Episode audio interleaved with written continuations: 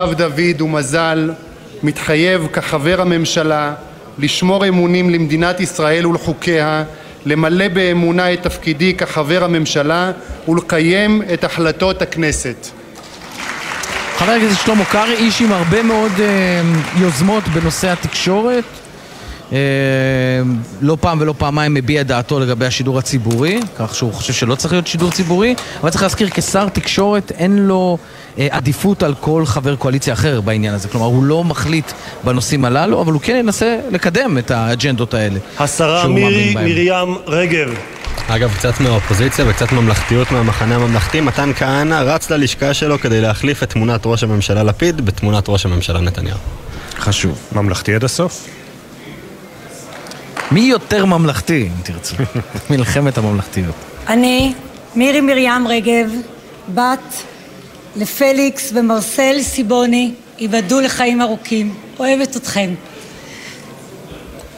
רעייתו, אם דיברו על בנות הזוג, אז צריך גם לציין את בני הזוג, דרור בעלי היקר והאהוב, ילדיי, רועי, יעל, מיכל, טל כלתי ויאלי, הנכד הראשון שלנו. מתחייבת כחברת, כחברת הממשלה לשמור אמונים למדינת ישראל ולחוקיה, למלא באמונה את תפקידי כחברת הממשלה ולקיים את החלטות הכנסת. בעזרת השם נעשה ונצליח. מירי רגב, שרת התחבורה ואחראית הטקס, טקס המסורות החשוב לה בכל טקסים הממלכתיים, היא חוזרת לפוזיציה הזאת, אולי אפילו יותר חשוב לה ממשרד התחבורה. אגב, היא. מנפגעי הרוטציה שמעולם לא קוימה, לא רק נכון. בני גנץ, הייתה אמורה להיות שרת החוץ. כן, מי עוד זוכר? אה, כן. אגב, אה, מתחילים פה כל מיני אה, נוסחים אישיים ודשים, זה לא השר ייגמר. עמיחי שיקלי. הנה, אנחנו בשין. אנחנו בשין, כן, זה נכון. אה, אז מירי רגב, שרת התחבורה. הפורש השני של ימינה. כן. פורש יאמר- המקורי, המקורי ועוד לפני הראשון. הקמת הממשלה. בדיוק, יאמר, יאמר רק לזכותו, עוד לפני הקמת הממשלה, לא היה חלק ממנה, לא הסכים למהלכים אני, של בנט. עמיחי שיקלי, בן איתן וקמיל, מתחייב כחבר הממשלה לשמור אמונים למדינת ישראל ולחוקיה, למלא באמונה את תפקידי כחבר הממשלה ולקיים את החלטות הכנסת. עמיחי שיקלי, שר התפוצות. אה, יהיה מעניין באמת גם אגב אחד. החברים הקרובים של אה, אמיר אוחנה בתוך הליכוד. רבותיי, חרגנו מעט ממנהגנו כאן, ומקבל גם אגב את הרשות לפיתוח המגזר הבדואי בתוך שלו. המשרד שלו. עוד אה, נקודה מאוד מאוד משמעותית ורגישה בתוך. הממשלה הזאת. בשעה טובה ומוצלחת. תם סדר היום. הישיבה הבאה תתקיים ביום שני, ט' בטבת התשפ"ג, 2 בינואר 2023, בשעה 4. ישיבה זו נעולה.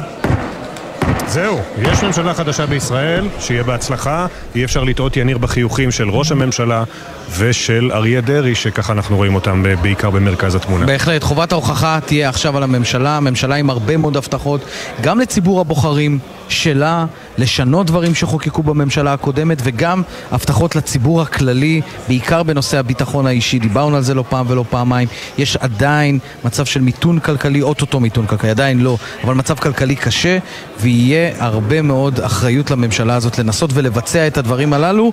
מאה ימי חסד אולי יהיו לה, ולאחר מכן אה, הרבה מאוד אה, שאלות איך וכיצד יפעלו. כרגע הם יוצאים לדרך. וכבר קלקול פנימי בתגובת הח"כים החרדים של יהדות התורה לנאום של אמיר נכון. אוחנה. אגב, גם בעניין הזה, כמו שאמרנו. כן, כן, כן. אה, אנחנו את החלק שלנו מסיימים, יניר. מסיימים. מודים מאוד לכל האנשים שהיו איתנו כאן, לנועה מיכאלי ויואב מאיסי וצביקה אליהו, מוטי זאדה, וכמובן שחר גליק ויניר ויובל שגב שנשארים אה, כאן בכנסת וימשיכו לדווח גם ליומן הערב, אה, תודה לאמיר. בר שלום וחן ליברמן, אצלכם השידור כעת. שלום לכם. שלום לכם, אל תלכו כל כך מהר, אנחנו כאן. עדיין לא משחררים אתכם. תגידו, יש מישהו גם מהאופוזיציה שנשאר במליאה? אני זיהיתי רק את מאיר כהן. אה, היו כמה, אני חושב שצריך לשאול את החבר'ה שנמצאים ממש בפנים, יובל אה, ושחר. אוקיי, בסדר, אוקיי. בסדר, אני לא, שם. אבל, אתה זוכר איך זה היה כן. בהשבעת הממשלה הקודמת? אני זוכר בעיקר הרבה מאוד רעש בהשבעת הממשלה הקודמת. חלק מחברי הקואליציה הנוכחית, האופוזיציה הקודמת, נשארו בעיקר כדי להפריע, גם במהלך אה, השבעת אה, חברי הכנסת. צריך להגיד שבמהלך השבעת הממשלה אה, המתח כבר יורד, כן? בהצבעה עוד כן, אבל בהשבעה עצמה זה כבר הרבה פחות רלוונטי. רק ניתן את הלו"ז, חן ואמיר. כן. כעת ילכו חברי הממשלה החדשה להרים כוסית כאן בכנסת, חברי הממשלה וסגני השרים, ולאחר מכן בשעה שבע יצעדו כולם וילכו אל אה, משרד ראש הממשלה לישיבת הממשלה הראשונה, ובשעה שמונה וחצי בערב אז תהיה התמונה המסורתית בבית הנשיא, הכל קורה עוד היום. טוב, תודה רבה לו"ז. לכם, כן, כן. ונשחרר, נשחרר אתכם. היה לכם יום ארוך, תודה אה, רבה. לא, למה? לא, יניר, אתה עוד, אנחנו עוד נזדקק. לך. אפי כבר- אפי- אפי כבר התניע. כן, זהו, אפי, הייתי אומר ש- הייתי אומר שיש לו מחר בוקר, אבל שכחתי שיום חמישי אפי, אתה היום. יכול ללכת להרים כוסית לבד. בדיוק. טוב, תודה תודה רבה. חברים ותודה לצוות אה, שם. חסות ואנחנו מתחילים. בחסות מטבחי סמל, המזמינים אתכם לימי מכירות בהנחות על מטבחים ומוצרים משלימים. עד סוף דצמבר. מטבחי סמל, כשטכנולוגיה פוגשת אומנות. בחסות אוטודיפו, המציעה מצברים לרכב עד השעה תשע בערב בסניפי הרשת, כולל התקנה חינם. כי כדי להחליף מצבר, לא צריך להחליף לשעות עבודה יותר נוחות. אוטודיפו. בחסות מלונות דן, המציגים סוף שבוע של הופעות. עידן עמדי, יסמין מועלם וטונה, במלונות דן פנורמה אילת ונפטון, 16 עד 18 בפברואר. אמיר בר שלום, שלום. שלום חן, ערב טוב. ערב טוב, ערב חמישי שמח. הרגע, הרגע ממש הושבעה הממשלה, שרי הממשלה נשבעו אה, לשמור אמונים למדינת ישראל ולחוקיה, לא לפני שהם גם דאגו לשנות כמה מחוקיה. אה, כך זה במשחק הדמוקרטי, את יודעת, אני, אני חייב לומר, אותי, לא, לא, לא, לא נכנס כאן כרגע ל, ל, ל, לרבדים הפוליטיים המאוד אה, דקים, אבל אה, אני שמעתי את, ה, את הנאומים, את הנאום של ראש הממשלה הנכנס נתניהו, שאומר, תקבלו את הדמוקרטיה. אז אה, אני רק זוכר מה היה בפעם כן. הקודמת, אז... אז יניר, שוב, וזה מעיד על פוליטיקאים, לא על מפלגה כזו או אחרת. יניר קוזין ממש חוזר אלינו עכשיו עם עוד עדכון. מצב, השרים יורדים... יניר, אתה איתנו? האם שומעים? אנחנו כן, שומעים- שומעים. עבור. פנטסטי. אז כאן בקומת הממשלה אנחנו רואים את השרים יורדים בזה אחר זה. אה, ראש הממשלה נתניהו נכנס ללשכת ראש הממשלה. אה, אנחנו פשוט רוצים שתעברו אלינו מעת לעת, מכיוון שהשרים יורדים, והמפיק שלנו יואב מייסי נמצא ממש עם המיקרופון צמוד אליהם, ואולי מעת לעת נוכל גם לשמוע התייחסויות שלהם. כרגע אה, כולם הולכים לחדריהם החדשים, ולאחר מכן להרמת הכוסית, אנחנו נעדכן אתכם. מצוין, ברגע נהדר. שתגידו, אני חותכת הכל ועוברת ישר היא גם אליכם. חותכת אותי. הנה, אין לי שום בעיה עם זה. אני אחתוך, בסדר גמור. אז uh, בהמשך למה שדיברנו, אמיר, uh, היה רגע שיש שיראו בו גם היסטורי, כשיו"ר הכנסת uh, הוא הומו מוצהר לראשונה בהיסטוריה של מדינת ישראל, והרגע הזה היה חשוב במיוחד לנוכח הפרסומים האחרונים על סעיפים בהסכמים הקואליציוניים שיכולים להביא לחוקים שיפלו חברים בקהילה הלהט"בית, אה, במיוחד לנוכח פרסומים של הרשימות הצבעוניות של אה, מפלגת נועם, אה, במיוחד בגלל שאבי מעוז, חבר הכנסת אבי מעוז, שהוא הומופוב מוצהר, אומר על עצמו, אני הומופוב מוצהר, יש לו עכשיו תפקיד בכיר במשרד ראש הממשלה כסגן שר. אה, אז... מה זאת אומרת? חינוך? וגם מה, הוא חינוך. אחראי על החינוך. אז... חברים, אה, עכשיו כן. מגיעה אה, שרה נתניהו, בואו ננסה לשמוע אותה. כמה מילים לאזרחים שמתרגשים בממשלה הזאת? לא. ניסו, שואלים אותה אם יש לה מה לומר לגבי האזרחים שחוששים מן הממשלה, אבל היא ממשיכה הלאה. המשיכו את דרככם, אנחנו נפריע לכם מעת לעת. טוב, תודה רבה. אז, אז בהקשר של המינוי שלו ליו"ר הכנסת, שזה באמת מינוי שאפשר... שלו של אמיר, של אמיר אוחנה. של אמיר אוחנה. כן, לא, כמובן. כן, כי דיברת עליו, כי לפני שקטעו אותך, דיברת עליו עם מעוז. אוקיי, אז אמיר אוחנה, יושב ראש הכנסת, ההומו המוצע הראשון בתפקיד הזה. אה, למינוי הזה אמור היה להיות איזשהו מסר מרגיע, אה, מנחם לאנשי הקהילה הלהט"בית ש... שכן, חוששים מההצהרות האחרונות, מההסכמים הקואליציוניים, אה, אבל מה שהרס קצת את הרגע הזה שאמור היה להיות סימבולי, זה כשחברי הכנסת גפני ופרוש הרכינו את ראשם כשאמיר אוחנה עומד ומדבר, ומדבר גם על בן זוגו ועל המשפחה אה, הלהט"בית שלהם. כן, את, תראי, את יודעת, תמיד מדברים על פיל בחדר, פה הרבה מאוד מצבים הפיל בחדר, פה היה הפיל בחדר, והכל היה כצפוי. אני הסתכלתי, וגם את עמדת לידי ואמרתי לך, תסתכלי מה קורה, שאמיר אוחנה קם ולוחץ את היד לכל השרים, ואז הוא מושיט את היד לגולדקנופ, וגולדקנופ לוחץ את היד בחזרה, אבל לא לחיצה לבבית, בואי נגיד ככה, לצאת ידי חובה כדי לא להשיב ידו ריקם. אני לא יודעת, אני ניסיתי גם uh, לפרשן את הרגע את הזה. השפת גוף? אה, הוא פשוט היה בדיוק עסוק גם בחתימות, וראיתי אותו קצת לא מסתבך. בכדי. האם זה היה בכוונה או לא בכוונה, ונראה שהוא לא שש uh, ללחוץ את היד, אבל אני לא חותמת על זה. כי בכל זאת, לא, לא היינו שם ב- כן. בין uh, ורדיו שפת גוף לא הולכת. טוב, עכשיו נפנה לשחר גליק, כתבנו שנמצא שם. שחר. כן, יוצאים עכשיו בזה אחר זה כולם אה, מהמליאה. נגיד, המשך הערב הזה אה, הוא אה, חגיגות הממשלה החדשה, בשעה שבע רגע, מתכנסים. שחר, איפה אתה קודם כל, רק שנבין מבחינת המיקום בכנסת? אנחנו בעמדה, חזרנו לעמדה, יובל ואני, כשהסתיים ההשבעה במליאה, אה, אנחנו אוקיי. חזרנו לעמדה בקומת הממשלה, רואים את חברי הממשלה והכנסת יוצאים בזה אחר זה אה, מהמליאה. אה, אז כאמור, בהמשך הערב חגיגות הממשלה הזו, זה מתחיל בישיבת הממשלה הראשונה, אה, הממשלה ה-37 של מדינת ישראל, הם התכנסו במשרד ראש הממשלה, אה, בשולחן המוכר כל כך לנתניהו, הוא יפתח מן הסתם בנאום שלו.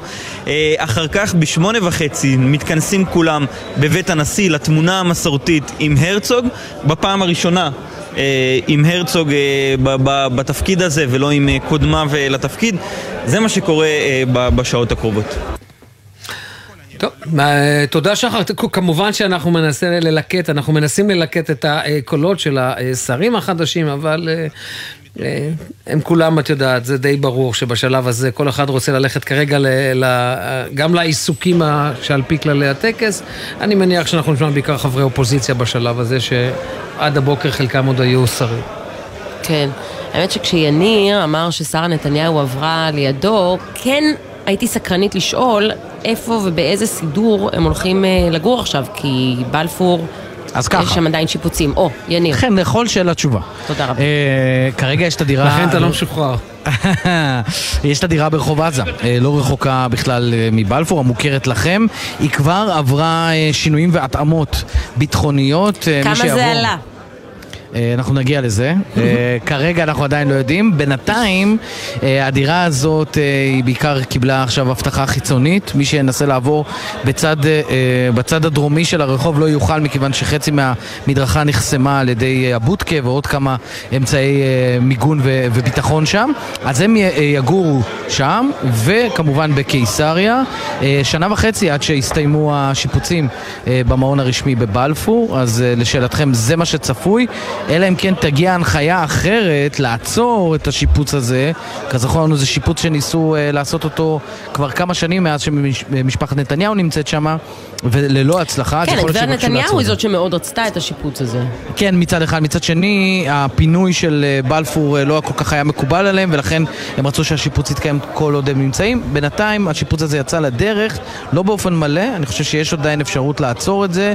אם הם לא יעשו זאת, במשך שנה וחצי יגורו, בעיקר נתניהו צריך לומר, ילון בדירה ברחוב עזה, המשפחה תהיה בקיסריה.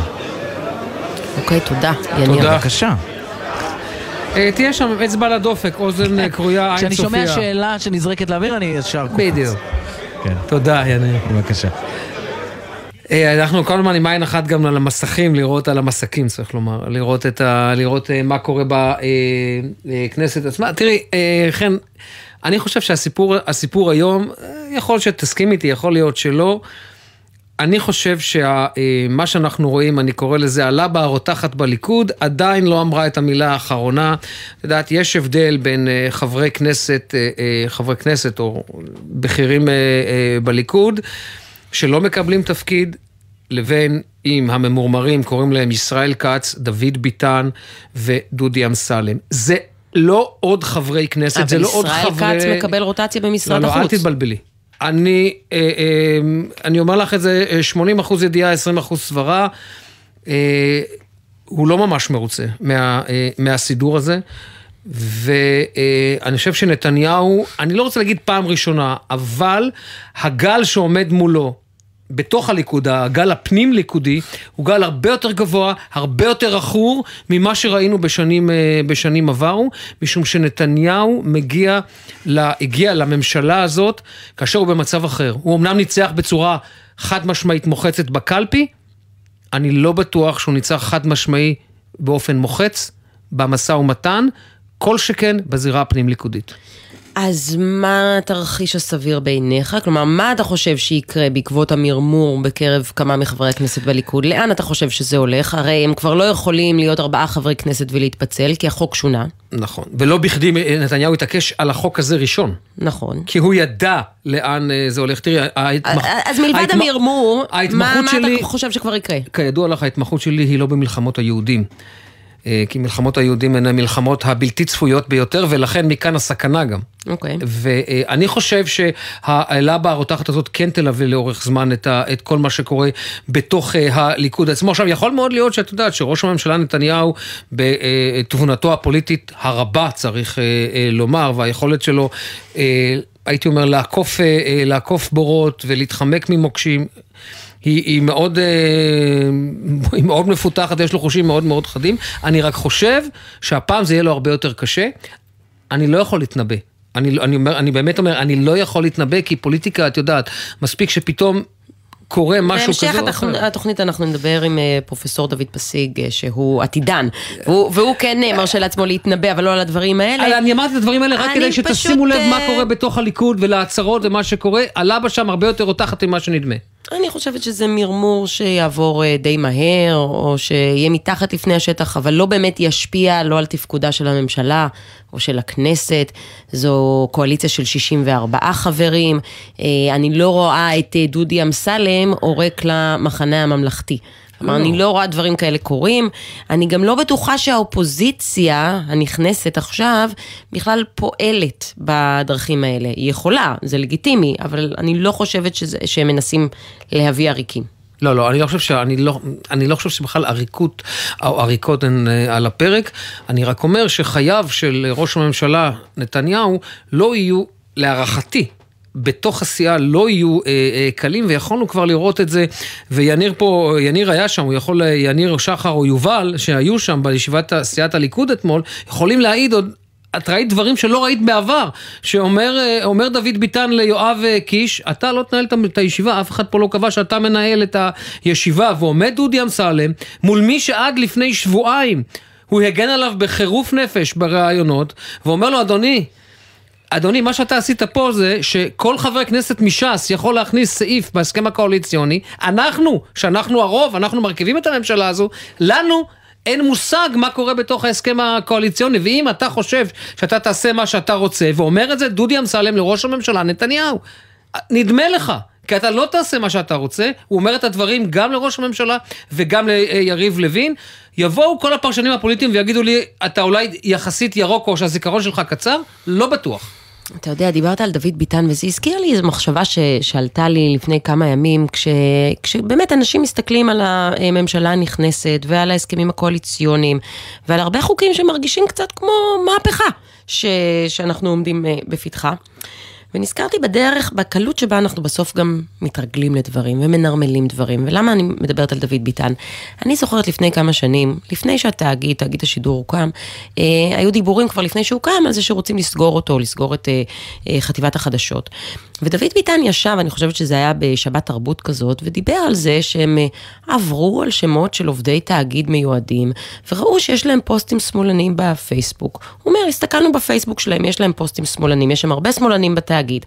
עכשיו זאת הייתה אמירה, אני זוכרת שזעזעה אנשים, אתם בודקים עכשיו אה, אה, מה הדעות הפוליטיות של אנשים שאמורים לעבוד בתאגיד השידור הציבורי, ומה שווה התאגיד אם לא נשלוט בו כדברי מירי רגב. ואני זוכרת שהייתה סערה סביב הדבר הזה, שזה הלך רוח לא דמוקרטי.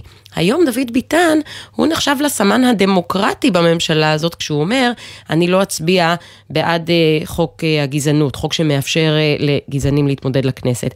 אז תראה איך אנחנו בסוף מתרגלים להכל, ודוד ביטן, שפעם אחת אמר ככה, עכשיו הוא מסוכסך עם ביבי, עכשיו הוא פתאום לוחם חופש גדול ולוחם צדק גדול. צריך כל הזמן לבדוק את עצמנו, שנים אחורה. ולהשוות לעכשיו. או שאדם שינה את דעתו, ואת יודעת, והבין שאולי בעבר הוא טעה. אני לא אתייחס, אני לא מתייחס לעניין התאגיד, אה, מה- מן הסיבות, הנסיבות הידועות. בסדר גמור, נעבור שוב לשחר גליק, אתה באולם ירושלים כן. בכנסת, ועוד אה, דקות קצרות אה, תהיה הרמת כוסית לאמיר אוחנה. נכון מאוד, אז אה, אחרי שבעצם הרי הדיון הזה של הקמת הממשלה היה דיון משולב גם לבחירת יושב ראש כנסת וגם להקמת הממשלה ולכן חברי הכנסת מתחילים לעלות לכאן בזה אחר זה. תכף הם יתכנסו באמת אה, באולם ירושלים, זה אירוע יחסית סגור, בלי יועצים, בלי משפחות. אה, רק אוחנה אולי ומקורביו שמגיעים ביחד עם חברי הכנסת, מרימים כוסית, מן הסתם הם יברכו אותו, מעניין יהיה לראות מי יבוא לברך אותו באירוע הזה ומי יעלה.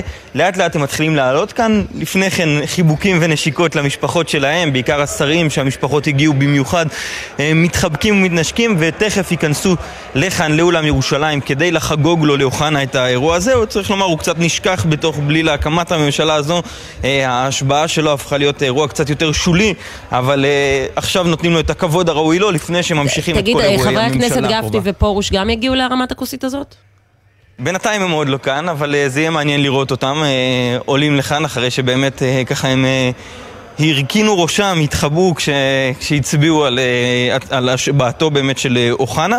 אבי מעוז אגב, שהיא גם הצביע בעד וגם הישיר מבט, נאם על זה לפני כן ואמר, למרות שהוא הרי מזוהה כבמלחמה גדולה, אמר אני הולך להצביע חד משמעית בעד אוחנה, אני אין לי שום בעיה עם להט"ב כזה או להט"ב אחר, הבעיה שלי זה עם האידיאולוגיה הלהט"בית, ככה הוא הסביר, אז הוא דווקא כן היה מאוד נחרץ בעניינים האלו, אבל באמת יהיה מעניין לראות את חברי הכנסת והשרים החרדים, האם הם גם יעלו ויחגגו יחד עם אוחנה את האירוע הזה. הם, הם מכניסים בפעם הראשונה באצבעותיהם סמל שלטון להט"ב וגם ההשלכות אחר כך, אחרי 120, גם שייקבר עם בן זוגו בחלקת גדולי האומה של מדינת ישראל ברגע שהוא היה יושב ראש הכנסת. זה ההחלטה שהם קיבלו עכשיו, הרכינו קצת את הראש ותכף נראה האם הם שלמים איתה וגם באים לאחל לו בהצלחה. שחר, אתם מסתובבים בכנסת ועם יניר ויובל גם שומעים אותי, אני מאוד אשמח אם הם יוכלו גם לענות. יצא לכם לראות את חברי הכנסת, אני לא אגיד המורדים, אלא המאוכזבים. את אמסלם, את ביטן, את דני דנון, יצא לכם? את חלקם כן, אמסלם מסתובב די זחוח, צריך לומר, הוא uh, מרגיש uh, ככה, גם כשהוא יצא מהפגישה מראש עם נתניהו, שבה הוא סיכם את זה, הוא יצא מחוייך, הוא מסתובב uh, די בטוח בעצמו, שלם מאוד עם ההחלטה הזו שלו לא להיכנס לממשלה. ישראל, קצת, קצת, ישראל כץ קצת פחות uh, uh, שמח, יותר, uh, פניו יותר uh, מורכנות. הוא מסתכל על האירוע הזה בתור פשרה, הוא אומר, זה הפשרה הכי טובה שיכולנו להשיג, אבל uh, הוא ממש לא uh, חוגג את המינוי הזה שלו. Uh, דני דנון לא יצא לי לראות כאן לפחות בדקות האחרונות. יכול להיות שהוא יתקזז גם היום. לא, דני דנון, הוא, הצביע הפעם, אבל, אבל uh, באמת uh, אותו לא ראינו, קצת נעלם גם, uh, יכול להיות שבמכוון. עכשיו, יש לי שאלה, האם יש אה, איזה שהם חוקים שיצטרכו לעבור. ש... שנכנסו להסכמים הקואליציוניים ויצטרכו לעבור, אה, מה אתם חושבים שאמיר אוחנה יעשה ברגעים האלה? חוקים, למשל, שיכולים לאפשר אפליה של להט"בים. אז קודם כל, ממה שאנחנו מבינים על פי הדיווחים, הוא באמת קיבל איזשהו אישור מנתניהו שהמינוי הזה מגיע, הרי הוא רצה מאוד להיות שר, בין השאר כדי שהוא יוכל להתפטר בחוק הנורבגי ולא להיכנס לדילמות האלו ולהתלבטויות האלו מה להצביע. על פי הדיווחים, אוחנה קיבל אה, אה, אישור של חופש הצבעה, הוא לא מכחיש את הדיווחים האלו, אישור להצביע אה, על פי צו מצפונו באירועים האלו, לא בטוח שהוא ישתמש ב... כן. ב, ב בסמכות הזו וביכולת שהוא קיבל בכל חוק, אבל בחוקים שמן הסתם אם הם באמת אה, יראו לו ככאלו שפוגעים בקהילה הלהט"בית, סביר מאוד להניח שהוא יצביע נגד, ינהל את הישיבה, יישאר בפנים אה, ויצביע נגד. אמיר אוחנה באופן כללי הוא לא בן אדם שמתחמק מאירועים אה, בעייתיים, בדרך כלל הוא עומד, כן. נותן תשובות, גם כשהן לא נעימות לו ולא נוחות לו, הוא בדרך כלל נמצא שם ו- שחר, אנחנו, אה, חברת הכנסת טלי גוטליב מהליכוד נמצאת איתנו, אנחנו צריכים לעבור אליה, שלום, חברת הכנסת גוטליב. טלי, טלי, תקראו לי בלי רשמיות. יום מרגש היום, ואני יכולה להרגיע אתכם. זה לא רק שאמיר אוחנה לא יצביע לחוקים פוגעניים בזכויות אדם באשר הם, זה גם נתניהו בעצמו וגם אני בעצמי, ואני מבהירה ואומרת כאן, הקמת הקואליציה הזו הייתה מורכבת מאוד, ובשיטה המשטרית שלנו אנחנו נסמכים על מפלגות צד. וככל שכאלה, אנחנו אכן מתחשבים אז את אומרת שלא תקיימו את ההסכמים הקואליציוניים? לא, זה לא מה שאני אומרת, אני אתן לך פשוט דוגמה. כשיש רעיון לשנות חוק, מה שעומד בבסיס שינוי החוק למניעת אפליה במתן שירותים, קודם כל בא לאפשר גם לקבוצות דתיות את אמונתם לקיים אירועים בנפרד לדוגמה, ואני אזכיר לכם בזמנו את המאבק של אנשי חב"ד המקסימים לקיים אירוע בכיכר רבין אה, כיכר מלכי ישראל בנפרד, וחולדאי לא נתן רגע, להם. רגע, וגם- רגע, רגע, הם רגע. קיימו את האירוע, אני הייתי שם. נכון, זה מה שאני אומרת. אז רגע, התיקון היה לזה- כי זה היה אז, או שהתיקון היה... לא, לא, לא, רגע, אני רק, חבל, חבל שאתם לא מקשיבים, כי חבל, באמת, תקשיבו, לא, זה לא, לא, ירגיע לא, אתכם לא, ויעשה את רק כל רק המאמצים תבהירי, שלכם. אמרת כיכר מלכי ישראל או כיכר רבין? התכוונת להגיד... אמרתי כיכר רבין וכיכר מלכי ישראל. גם וגם, אתה רואה? כל אחד שומר את, ה, את המורשת של הכיכר המדהימה הזאת, גם כך וגם כך כמובן. ומה שאני רוצה להבהיר לכם, שלו דעתי תישמע בדבר הזה, מוטב היה לא לחוקק חוק כזה. וכשהחוק הזה יגיע לוועדת חוקה, חוק ומשפט, אני מניחה שיקשיבו לדעתי, ירפו מהנושא הזה, אין בו שום היגיון. הדרך היחידה הייתה לאזן את זה מלכתחילה, זה להוריד את הקנסות. את הקנסות שכרוכים בהפרה של החוק הזה. כי עצם קיום החוק מביע הוקעה וגינוי לאפליה באשר היא, זה אחד. ומצד שני, הקנס צריך להיות נסבל כזה שלא יקומם את כולם על כולם. ואני יכולה להגיד לכם רק עוד דבר רגע, אחד, אם כמה תרשו הקנס לי. עכשיו ולכמה את מציעה להוריד אותו? עשרות אלפי שקלים. כרגע הקנס הוא עשרות כן. אלפי שקלים ואת רוצה כן, להוריד אותו לכמה? אני צריכה לעשות, אני צריכה לברר, אני אף פעם לא שולפת, אבל צריך להפוך את הקנס לקנס שהוא נסבל. עכשיו, ושוב, ולהותיר את החוק, אבל אני בכלל לא שם, כי כשהחוק הזה יגיע... אבל גם בזה יש לבר- אמירה, טלי. לא, אני אגיד, לא, אני אגיד לך משהו, אני חייבת להגיד לך משהו, בסדר? אני אומרת לך פה מהמקום האישי שלי, הרי האצבע שלי לא תתרומם לשום חוק פוגעני, לא מעניין אותי, זה בכלל לא משנה, ועל החוק הזה לא, תפ, לא תקום או תיפול ממשלה. ממש לא. ואני בטוחה שאני לא היחידה. כי אנחנו, אה, מה שמאחד את הקואליציה הזו זה קודם כל ממשלת ימין, וזה אה, הערך העליון אצלי לפחות, בתפיסה המדינית ישראלית ערכית שלי. ולצד זאת יש עוד דברים שזכותם של אנשים להציע וזכותי לא להצביע. כי המשמעת הסיעתית היא בכל מה שקשור למצע הליכוד.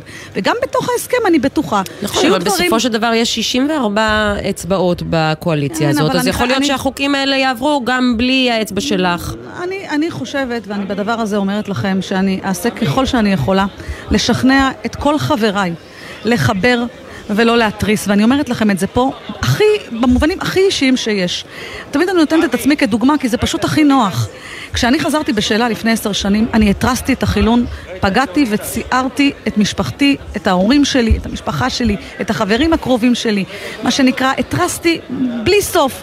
מה זה נתן לי? כלום. התבגרתי עם השנים ולמדתי שלהתרסה אין שום, באמת שום דבר.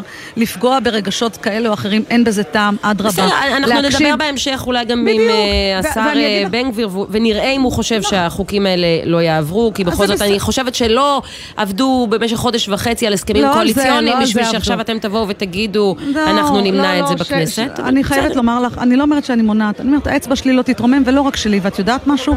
גם בן גביר, שזכותו לדעתו, שהתחבר איתנו לממשלה הזאת, והוא הולך להיות שר מעולה, הולך להחזיר פה באמת תחושת ביטחון שחסרה כל כך לאזרחים. זכותו לדעותיו, אני אינני מתווכחת איתו, אני מסתכלת, אני מסתכלת מה עם העובדה שגזענים. יוכלו להתמודד לכנסת? איך את עם זה? ובלבד, סליחה, גזענות, עם כל הכבוד, אה, זאת, זה באמת, לי יש בעיה אישית עם, עם המילה הזאת שנקראת גזענות, ואני באמת נחרדת ממנה, אבל הכל תלוי בהכל. אבל את יודעת משהו? הזכות לבחור ולהיבחר היא בסיסית, ובלבד שדעתי תישמע, וכל תומך טרור וכל חותר תחת קיומה של מדינת ישראל כמדינה יהודית ודמוקרטית, לא ירוץ לכנסת. למה? כי אני לא אשב בכנסת מול מפלגה שדגל ישראל שלה הוסר מה, מהחדר סיעה שלה, והם קוראים לחיילי צה"ל רוצחים. אבל עם הסתה לגזענות את בסדר. זה לא עניין של להבין. מזכיר לך, זה לא- חברת זה לא הכנסת זה לא טלי, סליחה. זה לא, אני שואלת אם זה בסדר. להסיר את הגזענות. כלומר, אולי שאנשים שמסיתים לגזענות כן יוכלו להיבחר, ואנשים ששוללים את מדינת ישראל כמדינה יהודית כי דמוקרטית זה לא? אותו, כי יש לי חדשות בשבילך, זה לא אותו דבר. טלי, אוקיי? זה פשוט. לפי התבחינים, את אומרת הסתה לגזענות זה עדיף. לא, זה לא עניין של עדיף, את לא תכניסי לי מילים לפה. אז אני מנסה להבין מה את ש- אומרת. מה שאני אומרת זה שחוק המפלגות צריך להיות מהודק במובן הזה שמי שיהיה אסור לו לרוץ לכנסת זה מי שחותר תחת קיום מדינת ישראל כמדינה אוקיי. יהודית ודמוקרטית וזאת המגבלה היחידה שצריך להטיל. למה? בסדר, זה מה שאמרנו, והסתה לגזענות, זה לא, זה כן לא- אפשר. זה לא מה בסדר. שאני אומרת, אני אבל פשוט זה- אומרת- זה ממש מה שאמרת, חברת הכנסת זה טלי לא גוטליב, אנחנו זה לא חייבים, שאני- אה, חייבות זה לא מה לסיים. שאני אומרת, זו אמנם התשובה שאולי קשה לך לקבל אותה, אבל את צריכה להבין שהמילה הסתה לגזענות היא מורכבת בפני עצמה. אבל ככל שאני יכולה להתכחש לדעות כאלה ואחרות, בסדר, אבל מי שחותר תחת קיומי כמדינה יהודית ודמוקרטית, הוא לא יישב אוקיי. בפרלמנט. תודה רבה, חברת תודה הכנסת רבה טלי גוטליב, טלי. כפי שאת רוצה טלי, שנקרא לך. טלי, ברור. יום טוב, כולנו רק בני אדם, תזכרו. אני רק שואל את עצמי את השאלה היא... אבל אנחנו חייבים אה, אנחנו- לצאת אז- לכמה הודעות, כי יש לנו עוד. הרבה מרואיינים אה, מהכנסת. כבר חוזרים.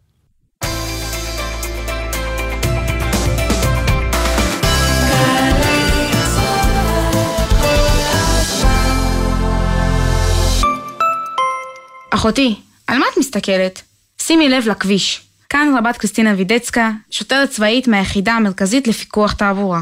אני יודעת שיש לך הרבה להספיק, כי יצאת הביתה רק לכמה ימים. אבל בחייך, כשאת על הכביש, שימי את הטלפון בצד והתרכזי בנהיגה. אין הודעה חשובה מספיק ששווה את החיים שלך. את הווייז אפילו לפני הנסיעה, ואל תתני לשום דבר להסיט את העיניים שלך מהכביש. כי בשנייה אחת אפשר לאבד שליטה על הרכב ולהיפגע. אני סומכת עלייך אחותי.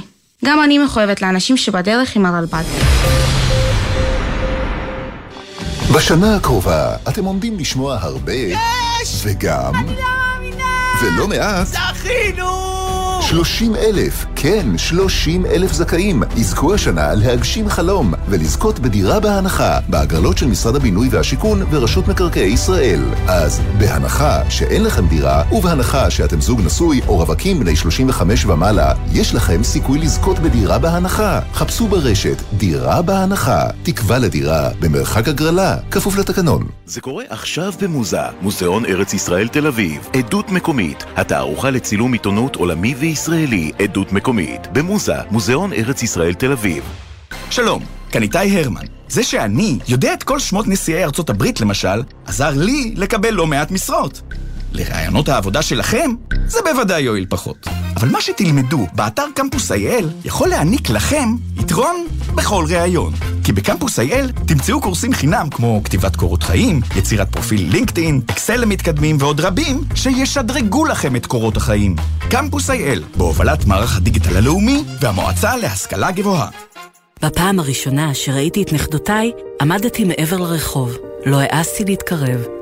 כך נפתח ספרה של הילה בלום, זוכת פרס ספיר של מפעל הפיס לספרות, 2021. ומי יהיה הספר הזוכה השנה בפרס ספיר של מפעל הפיס? אם אתם אוהבים סיפורים, בטוח תאהבו גם ספרים.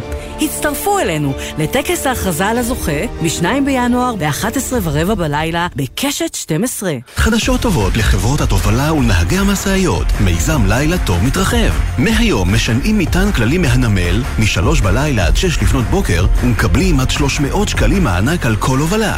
לפרטים חפשו מיזם לילה טוב בגוגל. מגישה חברת נמלי ישראל, עוגן חשוב לכלכלת ישראל. המענק כפוף לכתב התחייבות. להיות דיפלומטית בשירות החוץ זה מקצוע שהוא הכל חוץ משגרתי, עם השפעה ומשמעות. מסקרן? אם את ואתה מחפשים קריירה מרתקת, הגישו מועמדות למסלולי ההתמחות בדיפלומטיה במשרד החוץ. כך תוכלו להשפיע על החוסן הלאומי של מדינת ישראל ויחסי החוץ שלה. חפשו ברשת התמחות דיפלומטית במשרד החוץ, קורסי צוערים. אחותי, על מה את מסתכלת? שימי לב לכביש. כאן רבת קריסטינה וידצקה, שוטרת צבאית מהיחידה המרכזית לפיקוח תעבורה. אני יודעת שיש לך הרבה להספיק, כי יצאת הביתה רק לכמה ימים. אבל בחייך, כשאת על הכביש, שימי את הטלפון בצד והתרכזי בנהיגה. אין הודעה חשובה מספיק ששווה את החיים שלך. את הווייז אפילו לפני הנסיעה, ואל תתני לשום דבר להסיט את העיניים שלך מהכביש. כי בשנייה אחת אפשר לאבד שליטה על הרכב ולהיפגע. אני סומכת עלייך אחותי. גם אני מחויבת לאנשים שבדרך עם הרלב"ד. עכשיו בגלי צה"ל, אמיר בר שלום וחן ליברמן. חזרנו עם הקולות מהכנסת אחרי השבעת הממשלה ה-37 וחבר הכנסת מנסור עבאס, יושב ראש מפלגת רע"מ איתנו, ערב טוב. ערב טוב. מה שלומך? ברמה אישית אני בסדר, יותר נוח להיות חבר כנסת באופוזיציה מאשר לקחת אחריות ולהיות בקואליציה, להוביל תהליך, להיות מאוים, ל... ל... לסבול הרבה לחץ וכולי. אז זאת ברמה האישית, אבל ברמה קולקטיבית מבחינת החברה הערבית, אין ספק שאיבדנו הזדמנות היסטורית. להמשיך ולהיות משפיעים ולנסות להביא פתרונות. איבדתם כי ככה, אתה יודע, יש אה, קולות שאומרים שלא סתרתם את הגולל על הצטרפות לממשלה בקונסטלציה כזו או אחרת. תראה, אני לא משלה את עצמי. יש ממשלה חדשה, נבחרה, אנחנו מקבלים את הבחירה הדמוקרטית. קראתי את ההסכמים הקואליציוניים, אנחנו לא נמצאים שם. יש להם סדר עדיפות משלהם. זאת השיטה במדינת יציעו, ישראל. חבר הכנסת עבאס, אם יציעו, אתה תשקול בחיוב? שיציעו ואז אבל למה נחליט. שיציעו? רגע, רגע, לא, לא, אם יציעו אתה תשקול בחיוב? שיציעו, תראה, אתם מכירים את הגישה שלי בפוליטיקה. אני באתי בדרך שהיא של שותפות אזרחית, ערכית, ניסיון להיות חלק מהפתרון ולא רק לדרוש ולצעוק להאשים. וזה דבר אחד. ברור לי שלא אהיה בקואליציה, כי הם לא צריכים אותנו. בדיוק. אה, וכולי. חבר הכנסת אה, מנסור עבאס, אני אבל רוצה בסופו להשמיע של לך... דבר, אני... כן, כן, אנחנו כבר נמשיך, אני רוצה להשמיע לך דברים של חבר הכנסת אה, איימן עודה. אני חושב שכל הציונות, מאז ותמיד, רצתה בן אדם כמו מנסור עבאס. רצתה בן אדם שמתייחס אל עצמו כמו אל נתין ולא אזרח. שאומר שאני מסכים שהמדינה שקמה על המולדת שלי, אני, היא מדינה של אחרים. אני מסכים. אני חושב בן אדם ששם את הסוגיות הגדולות הצידה ורק רוצה להתנהל במישור המוניציפלי למשל, מבחינת הגזענים, וואלה, אחלה ערבי. אני לא מקבל. דווקא מי שמממש את האזרחות שלו ו- וממש מתנהג כאזרח זה מנסור עבאס ולא איימן עודה, שאני לא יודע מה הוא. אבל לפחות בקטע הזה, מי שמממש את האזרחות שלו, מה, זו, מה זאת אזרחות? בנוסף לזכויות ה, של תושב, לבחור, להיבחר, להיות שותף, להיות משפיע, מי שעושה את זה, מנסור עבאס. ולכן, מאיפה הוא הביא את הדבר הזה? זה שאני מוכן לבוא עם אנשים שאני לא מסכים איתם, שאני אומר קודם כל נעשה שותפות, אחר כך נעשה שינוי, בלי שתהיה הסכמה על כל דבר. אוקיי, זאת גישה אה, ש, שכבודה במקומה מונח. אבל אולי ויוך- הדרך שבה ו- הממשלה הזאת נפלה, הממשלה שבה, הקואליציה שבה היית חבר, היא הוכחה לכך שהגישה הזאת לא עובדת. תאמיני לי, בעוד 30 שנה יגידו שהיה כדבר הזה, שהנה אפשר להקים קואליציה בשותפות ערבית-יהודית. את יודעת מה? זה לא רק ערבית-יהודית, זאת פעם ראשונה שאת לוקחת מפלגה מהקצה של הימין עם הקצה של השמאל ויושבים ביחד ומתפקדים במשך שנה וחצי. שלמה. ולכן מה שאני אומר, ה- ה- ה- ה- התהליך הזה הוא יישאר חרוט בזיכרונם של האנשים ותמיד ישאפו לחזור לשם כי זה החיים. זה החיים. אנחנו, אני לא משתמש בגישה הזאת שאין לנו ברירה וחייבים לחיות ביחד. אני אומר מתוך הבנה והפנמה ובחירה וסובלנות מהותית, זו הדרך הנכונה לקדם את האינטרסים הפוליטיים השונים ולמצוא שותפויות עם קבוצות אחרות בחברה הישראלית. ואפשר כן, אבל אז אתה להגיד... מוצא את עצמך במצב שאתה צריך להצביע בעד תקנות יהודה ושומרון. יש, תראה, תמיד יש פשרות אה, שבחיים, לא על הכל מסכימים, לפעמים בולעים צפרדעים, אבל גם הצד שני עושה את זה. מה את חושבת, שגם חברי הכנסת שהיו בימין לא סבלו גם הם? גם חברי הכנסת שהיו בשמאל ממרץ לא סבלו גם הם? כל אחד עושה את המוטל. אבל אם את רוצה ל- ל- ל- להעיר על הנושא הפלסטיני והמדיני וכולי. את יודעת מה? אה, אני לא ראיתי שום דבר שנעשה בשנים האחרונות שיכול לתת תקווה לשני העמים שהם יכולים לחיות ביחד בשלום, יהודים ופלסטינאים וערבים, חוץ מהתהליך הזה שעשינו, שהוכחנו שאפשר לעבוד ביחד, והתהליך הזה חייב להצליח, ו- ולדעתי, אני לא אומר שזה תנאי, אבל זה משהו משמעותי כדי להחזיר את התקווה שאפשר אני- לחיות בשלום בארץ הקודש. אני אשאל ברשותכם שאלה כאן מה- מהעמדה. יצא לך לדבר עם מי מאנשי הליכוד מאז מערכת הבחירות? אה, מאז מערכת הבחירות מעט מאוד, אבל בימים ה... ביומיים האחרונים יש מגע, יש דיבורים, כולל יש ראש. הממשלה? לא, לא ראש הממשלה, לא מגעים אתה יודע איך זה, זה מתחיל. מלמטה. אלא ברמה של אה, שלום, מה, מה שלומך, אגב, בהצלחה. מבחינ- מבחינת החוקים, התקנון של התנועה וכולי, כמה זמן אתה עוד יכול להיות יושב ראש רע"מ? אני אמור להשלים שמונה שנים, ואנחנו כבר ארבע, שלוש? אה, שלוש ומשהו. אני כבר חמש מערכות בחירות, שלוש שנים וחצי. יש רע"מ בלי מנסור עבאס? מה? יש רע"מ בלי מנסור עבאס? כמובן יש רע"מ, רע"מ הייתה לפני מנסור ותהיה אחרי מנסור, גישתה האזרחית ברורה, למרות שאנחנו באים גם מרקע דתי אסלאמי, אבל זו, זו גישה דתית, סובלנית, מכירה באחר, מנסה לעזור לאנשים, זאת תכלית הפוליטיקה אצלנו, לא הצגות. אלא אה, עזרה וקידום נושאים של החברה. אז חבר הכנסת אה, עבאס, אם אה, צריך בכל, בכל זאת, גם כחבר כנסת שבאופוזיציה עכשיו, לקדם ולעזור לחברה הערבית עם הפשיעה המשתוללת בחברה הערבית, כרגע השר הממונה הוא איתמר בן גביר. אתה מתכוון אה, לנסות אה, לדבר איתו, לשבת איתו, לנסות לפעול יחד? שני דברים. קודם כל, אני רוצה לראות, הוא אה, אה, אה, העביר חוק על מדיניות המשטרה. אנחנו רוצים לראות מה הוא מתכוון לעשות, מה סדר העדיפויות שלו, מה הכוונות האמיתיות שלו. זה דבר אחד. דבר שני, מה היחס שלו לבעיות של החברה הערבית? האם הוא רוצה להכיר אותם דרך החברה הערבית או מלמעלה? השוני בין הממשלה הקודמת לזו שבממשלה הקודמת היינו חלק ממנה, הגינו את הצרכים של החברה הערבית, עשינו את הדברים בשותפות מלכתחילה. היום יש ממשלה שעד עכשיו הגתה את המדיניות שלה, את קווי היסוד, לא שאלו אף ערבי אחד, לא נציג וחבר כנסת, לא שמענו שהביאו לא אקדמאי, לא איש ציבור אה, ניטרלי כזה, שישאלו אותו מה הצרכים שלנו. רגע, אולי, א', אולי זה יקרה עכשיו, ודבר שני, יכול להיות שהשיחות שלך עם הליכוד היה בדיוק במטרה לנסות ולגשש אצלך כדי שאולי תיפגש עם uh, השר בן גביר? לא, לא, אין דבר כזה.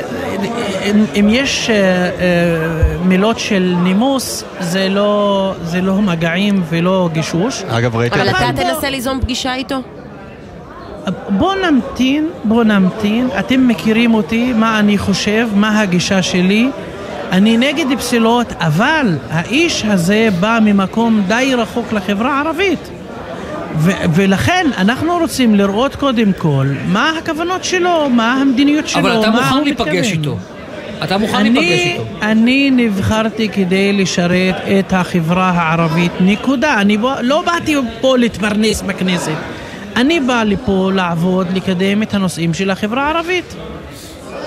אגב, יצא לי לראות כאן קודם את אחד החברי כנסת של עוצמה יהודית, את אלמוג כהן, פוגש את אה, חבר הכנסת החדש אצלכם, את ואליד אלהואשלה, מאור חביב אלבי.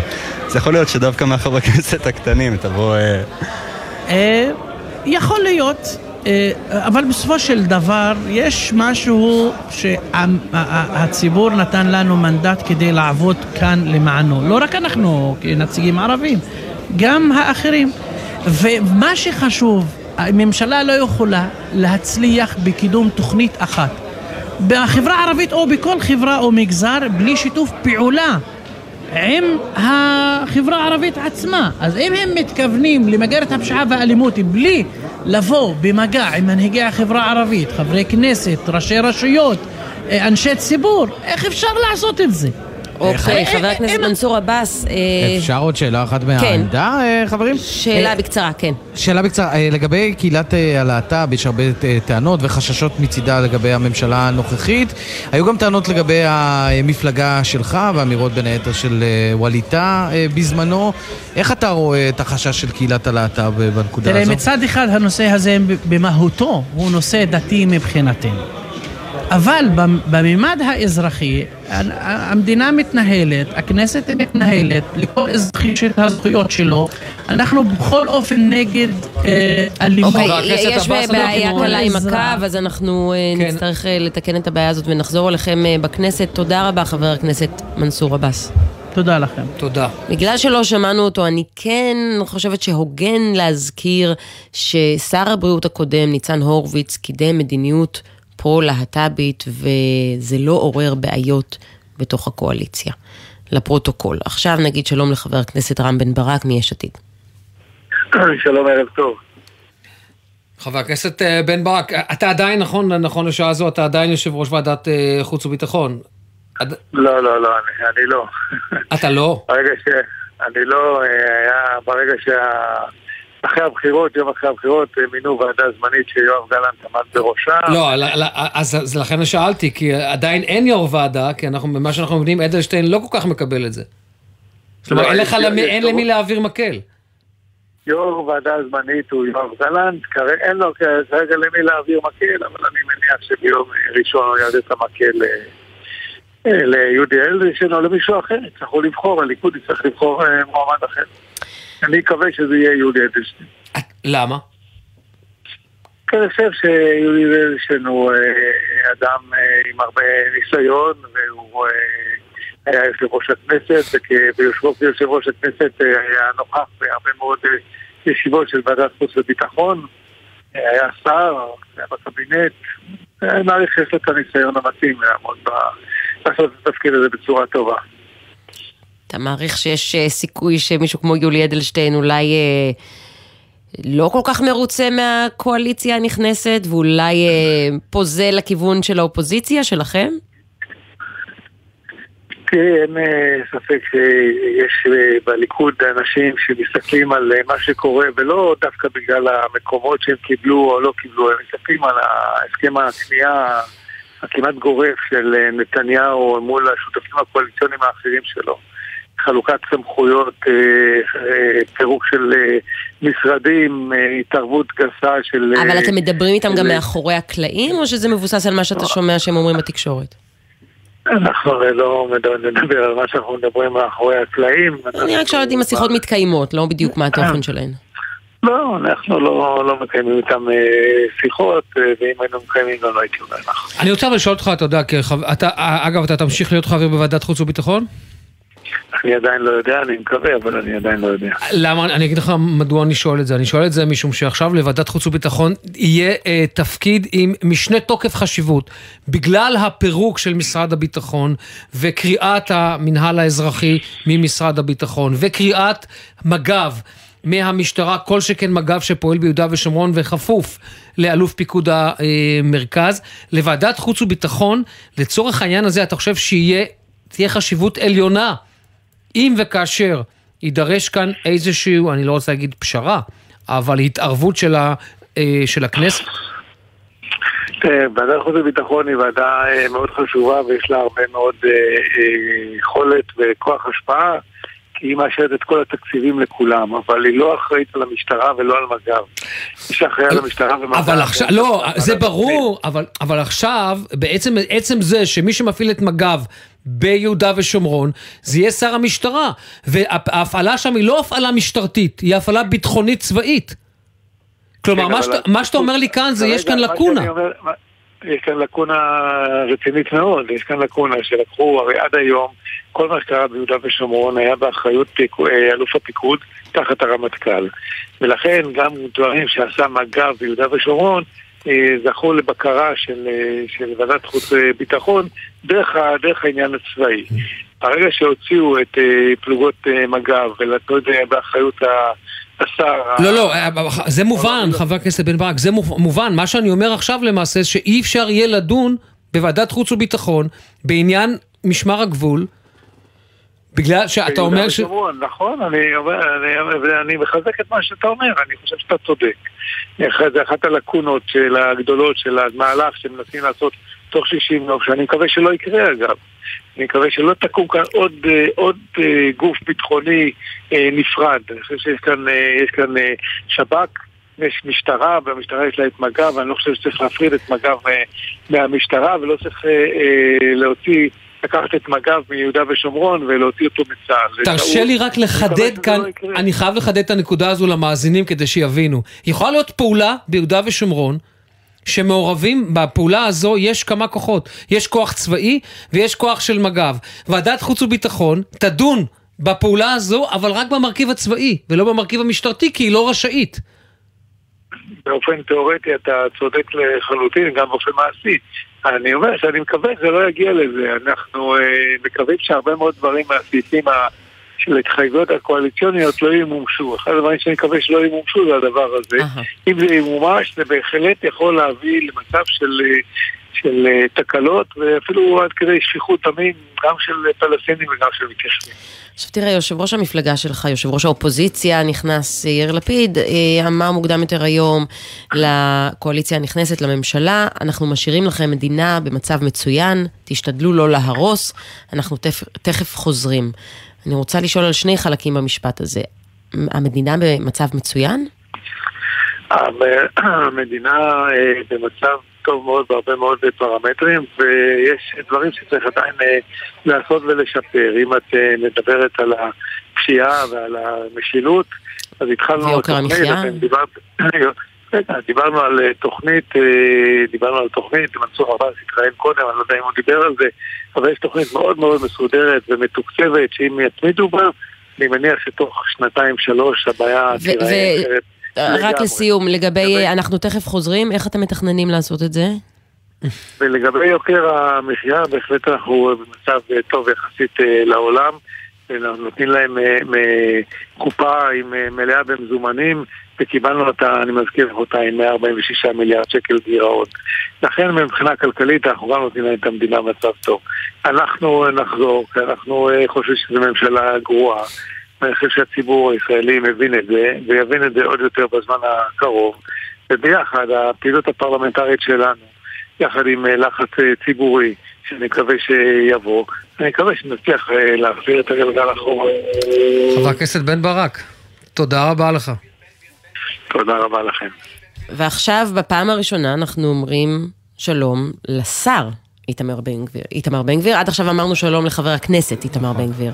שלום. שלום לשר. השר שלום, לביטחון אבל לאומי. איתמר בן גביר אה, לא כאן, זה אני כאן. אמרו לנו לדבר עם איתמר בן גביר, ואנחנו עושים מה שאומרים לנו, אבל בסדר. אה. אז יניר, אני אני רוצה לשאול אותך לגבי... את נשמעת מאוכזבת, חן, אני לא יודע. אה, לומר, לא, בסדר. אה, זה רק אני, איתך אבל- אני יכולה לדבר שעות. אני מבינה שעכשיו קורית פגישת החפיפה בין נתניהו ולפיד? אמת ויציב, כאן אה, לא רחוק מאיתנו, בלשכת ראש הממשלה.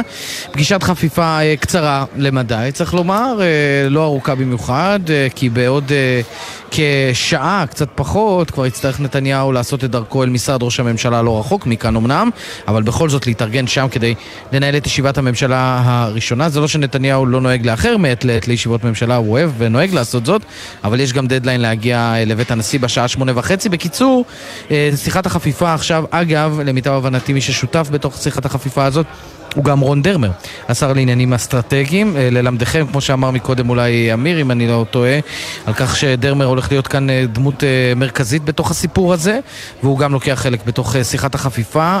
הת- התפקיד, או אולי הטייטל, כן, של שר לעניינים אסטרטגיים הוא רק כותרת. נדמה לי שנתניהו יוצא כעת, רק דקה, או שזה לפיד, רק דקה, אם נוכל לשמוע. יואב מאיסי שלנו מכוון, זה יאיר לפיד. איך הייתה הפגישה? יאיר לפיד יוצא עכשיו מלשכת ראש הממשלה בפעם האחרונה, שאמרו בינתיים, אה, לאחר שהסתיימה פגישת החפיפה. אמרתי לכם שזאת כמה תהיה זמן שיחה היא קצרה. ארכה? אה, חצי שעה, 40 דקות. אני חייב, אבל חייב, אני, שוב, אני, אני כל הזמן אומר, אנחנו מדברים בינינו, זה שיח של, של המצויים בדבר. אבל אה, זה שכשיאיר לפיד, יניר, ותקן אותי אם אני טועה, כשיאיר לפיד אומר, מה היה הציטוט המדויק? נשוב בקרוב? נשוב, כן, נשוב, אנחנו אל כבר תהרסו. חוזרים. אל כבר. חוזרים? אז, ו- כן, אם אתה זוכר, היה פתק בלשכת ראש הממשלה כשנפתלי בנט נכנס, כפר נשוב או משהו כזה. תכף- תכף אשוב. תכף אשוב, נכון? כן, זאת אומרת, נכון.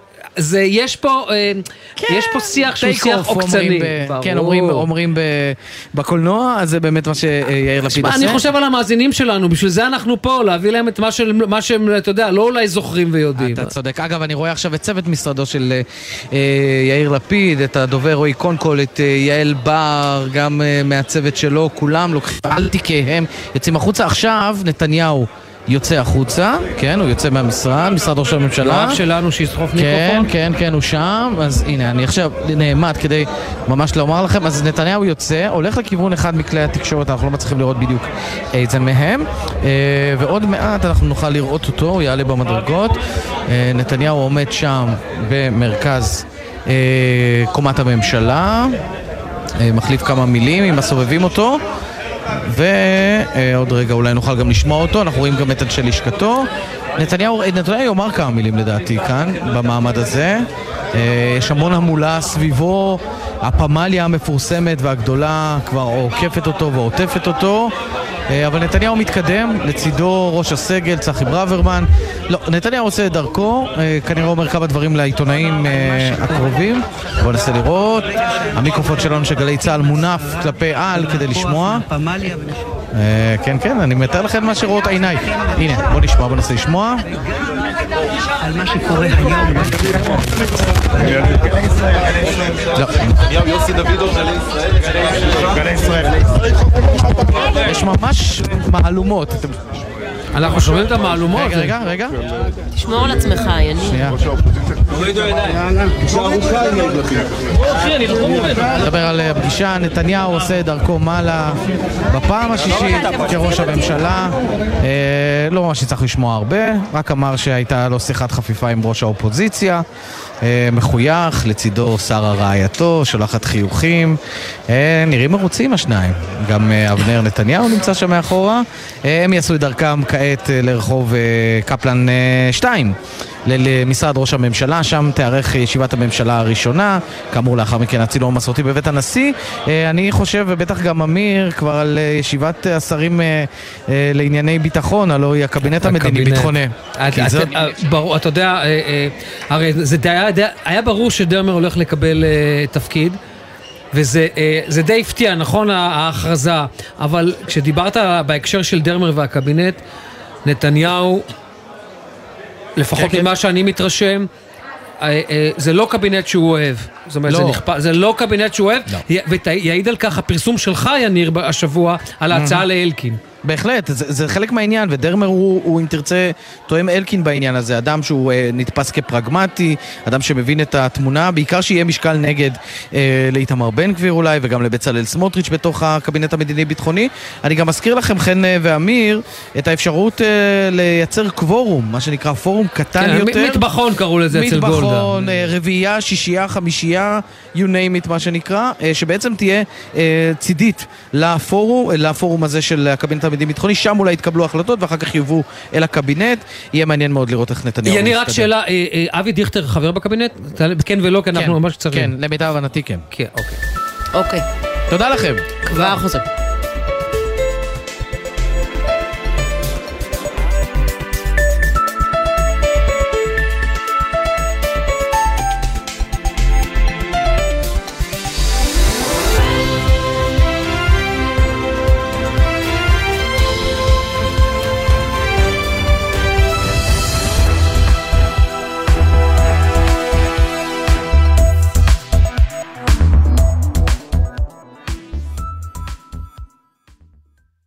בחסות אנשור פלוס אדוונס, המסייע לשמירה על הכוח וההגנה הטבעית. אנשור פלוס אדוונס, שאלו את הרופא או את הדייתן. בחסות רשת ביתילי, המציעה לסגור את השנה בחצי ספה. סליחה, בחצי מחיר. מכירת סוף שנה, עד חצי מחיר, על מגוון רהיטים ופרטי עיצוב. באתר ובסניפי ביתילי. בחסות טנגו, המאפשרת תשלום מהנייד בתחבורה הציבורית, באוטובוס, ברכבת, ועוד, כפוף לתנאי שירות. מה נשמע, נשמע, סוף השבוע,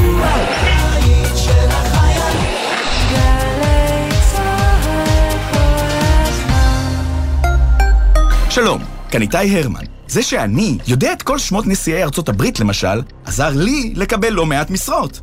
לרעיונות העבודה שלכם, זה בוודאי יועיל פחות. אבל מה שתלמדו באתר קמפוס IL יכול להעניק לכם יתרון בכל ראיון. כי בקמפוס IL תמצאו קורסים חינם כמו כתיבת קורות חיים, יצירת פרופיל לינקדאין, אקסל למתקדמים ועוד רבים שישדרגו לכם את קורות החיים. קמפוס IL, בהובלת מערך הדיגיטל הלאומי והמועצה להשכלה גבוהה. הורים יקרים שלום, מדבר יוסי בן שמחון, ראש ענף הבטיחות בדרכים בצה"ל. במשך כל השבוע אנחנו מתאמצים לשמור על הבנים והבנות שלכם, כי בטיחותם חשובה לנו. סוף השבוע בפתח והם בדרכם הביתה. הם יצאו לבלות, להתאוורר, לנקות את הראש, ואנו מבקשים מכם לעזור להם לעבור את זה בבטחה כדי שיוכלו ליהנות גם בשבוע הבא. ולתפארת מדינת ישראל. ביום העצמאות יש לנו הזדמנות להתרגש ולהצדיע לאנשים ולנשים שהם הפנים היפות של מדינת ישראל. עכשיו זו ההזדמנות שלכם להמליץ ולהשפיע על בחירת מסיעי המשואות ביום העצמאות ה-75 בסימן חלוציות. אתם מכירים חלוצות או חלוצים בעבר ובהווה? הראשונים שהפכו ועדיין הופכים רעיונות למעשים וחלומות למציאות? היכנסו עוד היום לאתר מרכז ההסברה במשרד התרבות והספורט והמליצו על מסיעי המשואות הבאים, נשים וגברים. עוד פרטים בטלפון 050-6222-945. תודה ממרכז ההסברה, המטה לטקסים ולאירועים ממלכתיים, משרד התרבות והספורט. בשנה הקרובה אתם עומדים לשמוע הרבה... יש! וגם... אני לא! ולא מעט... זכינו! 30 אלף, כן, 30 אלף זכאים יזכו השנה להגשים חלום ולזכות בדירה בהנחה בהגרלות של משרד הבינוי והשיכון ורשות מקרקעי ישראל. אז בהנחה שאין לכם דירה ובהנחה שאתם זוג נשוי או רווקים בני 35 ומעלה, יש לכם סיכוי לזכות בדירה בהנחה. חפשו ברשת דירה בהנחה, תקווה לדירה במרחק הגרלה, כפוף לתקנון. תגיד, אחי, היית שותה לפני פעילות מבצעית? היית מסכן את החבר'ה מהיחידה? ברור שלא. כי אתה יודע שאפילו טיפת אלכוהול משפיעה על שיקול שיקול הדעת והיכולת שלך להגיב. כאן סמל ראשון דביר אפרגן, לוחם ניוד ביחידת בית הספר לניוד מבצעי, 444. גם על הכביש אתה לא עולה אם שתית. על ההגה אתה צריך להיות חד וערני. בדיוק כמו שאתה יוצא למשימה. שתית? תן את המפתחות למישהו אחר שלא שתה. סומך עליך אח שלי. גם אני מחויב לאנשים שבדרך עם הרלב"ד. עכשיו בגלי צה"ל, אמיר בר שלום וחן ליברמן.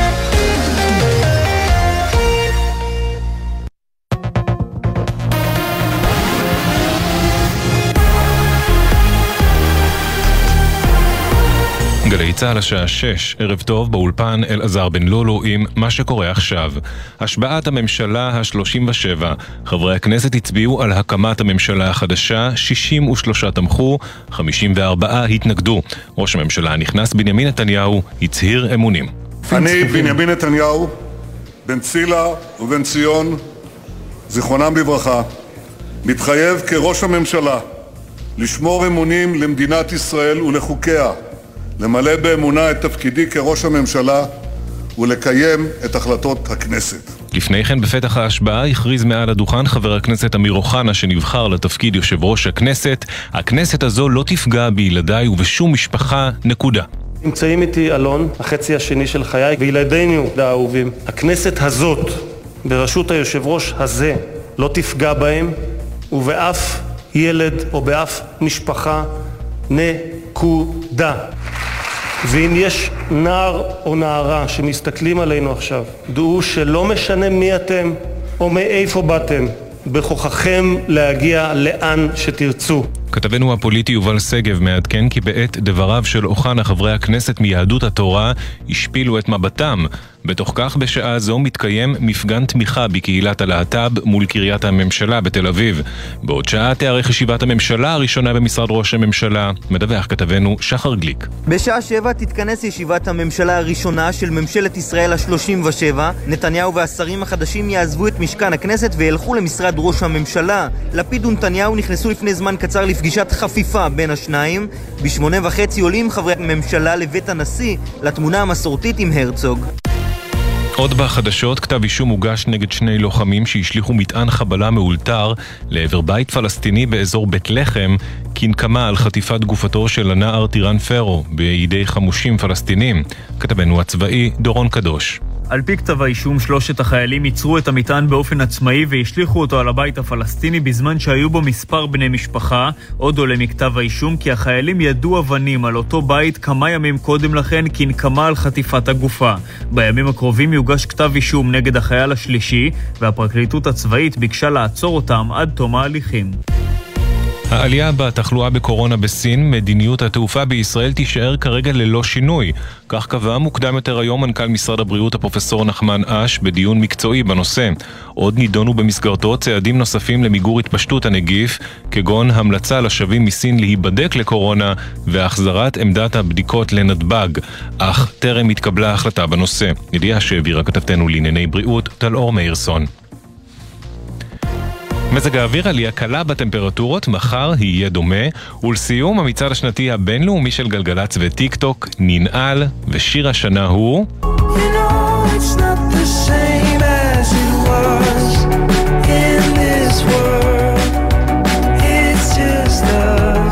as it was של הארי סטיילס נבחר ברוב קולות וזכה בתואר הנחשק, שיר השנה לשנת 2022. אלה חדשות.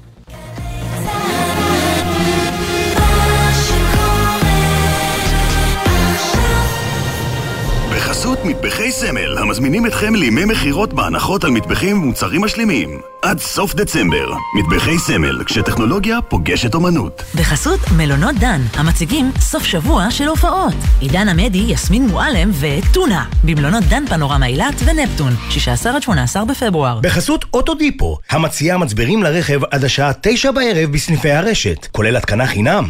כי אין סיבה לשרוף את שישי במוסך. אוטודיפו.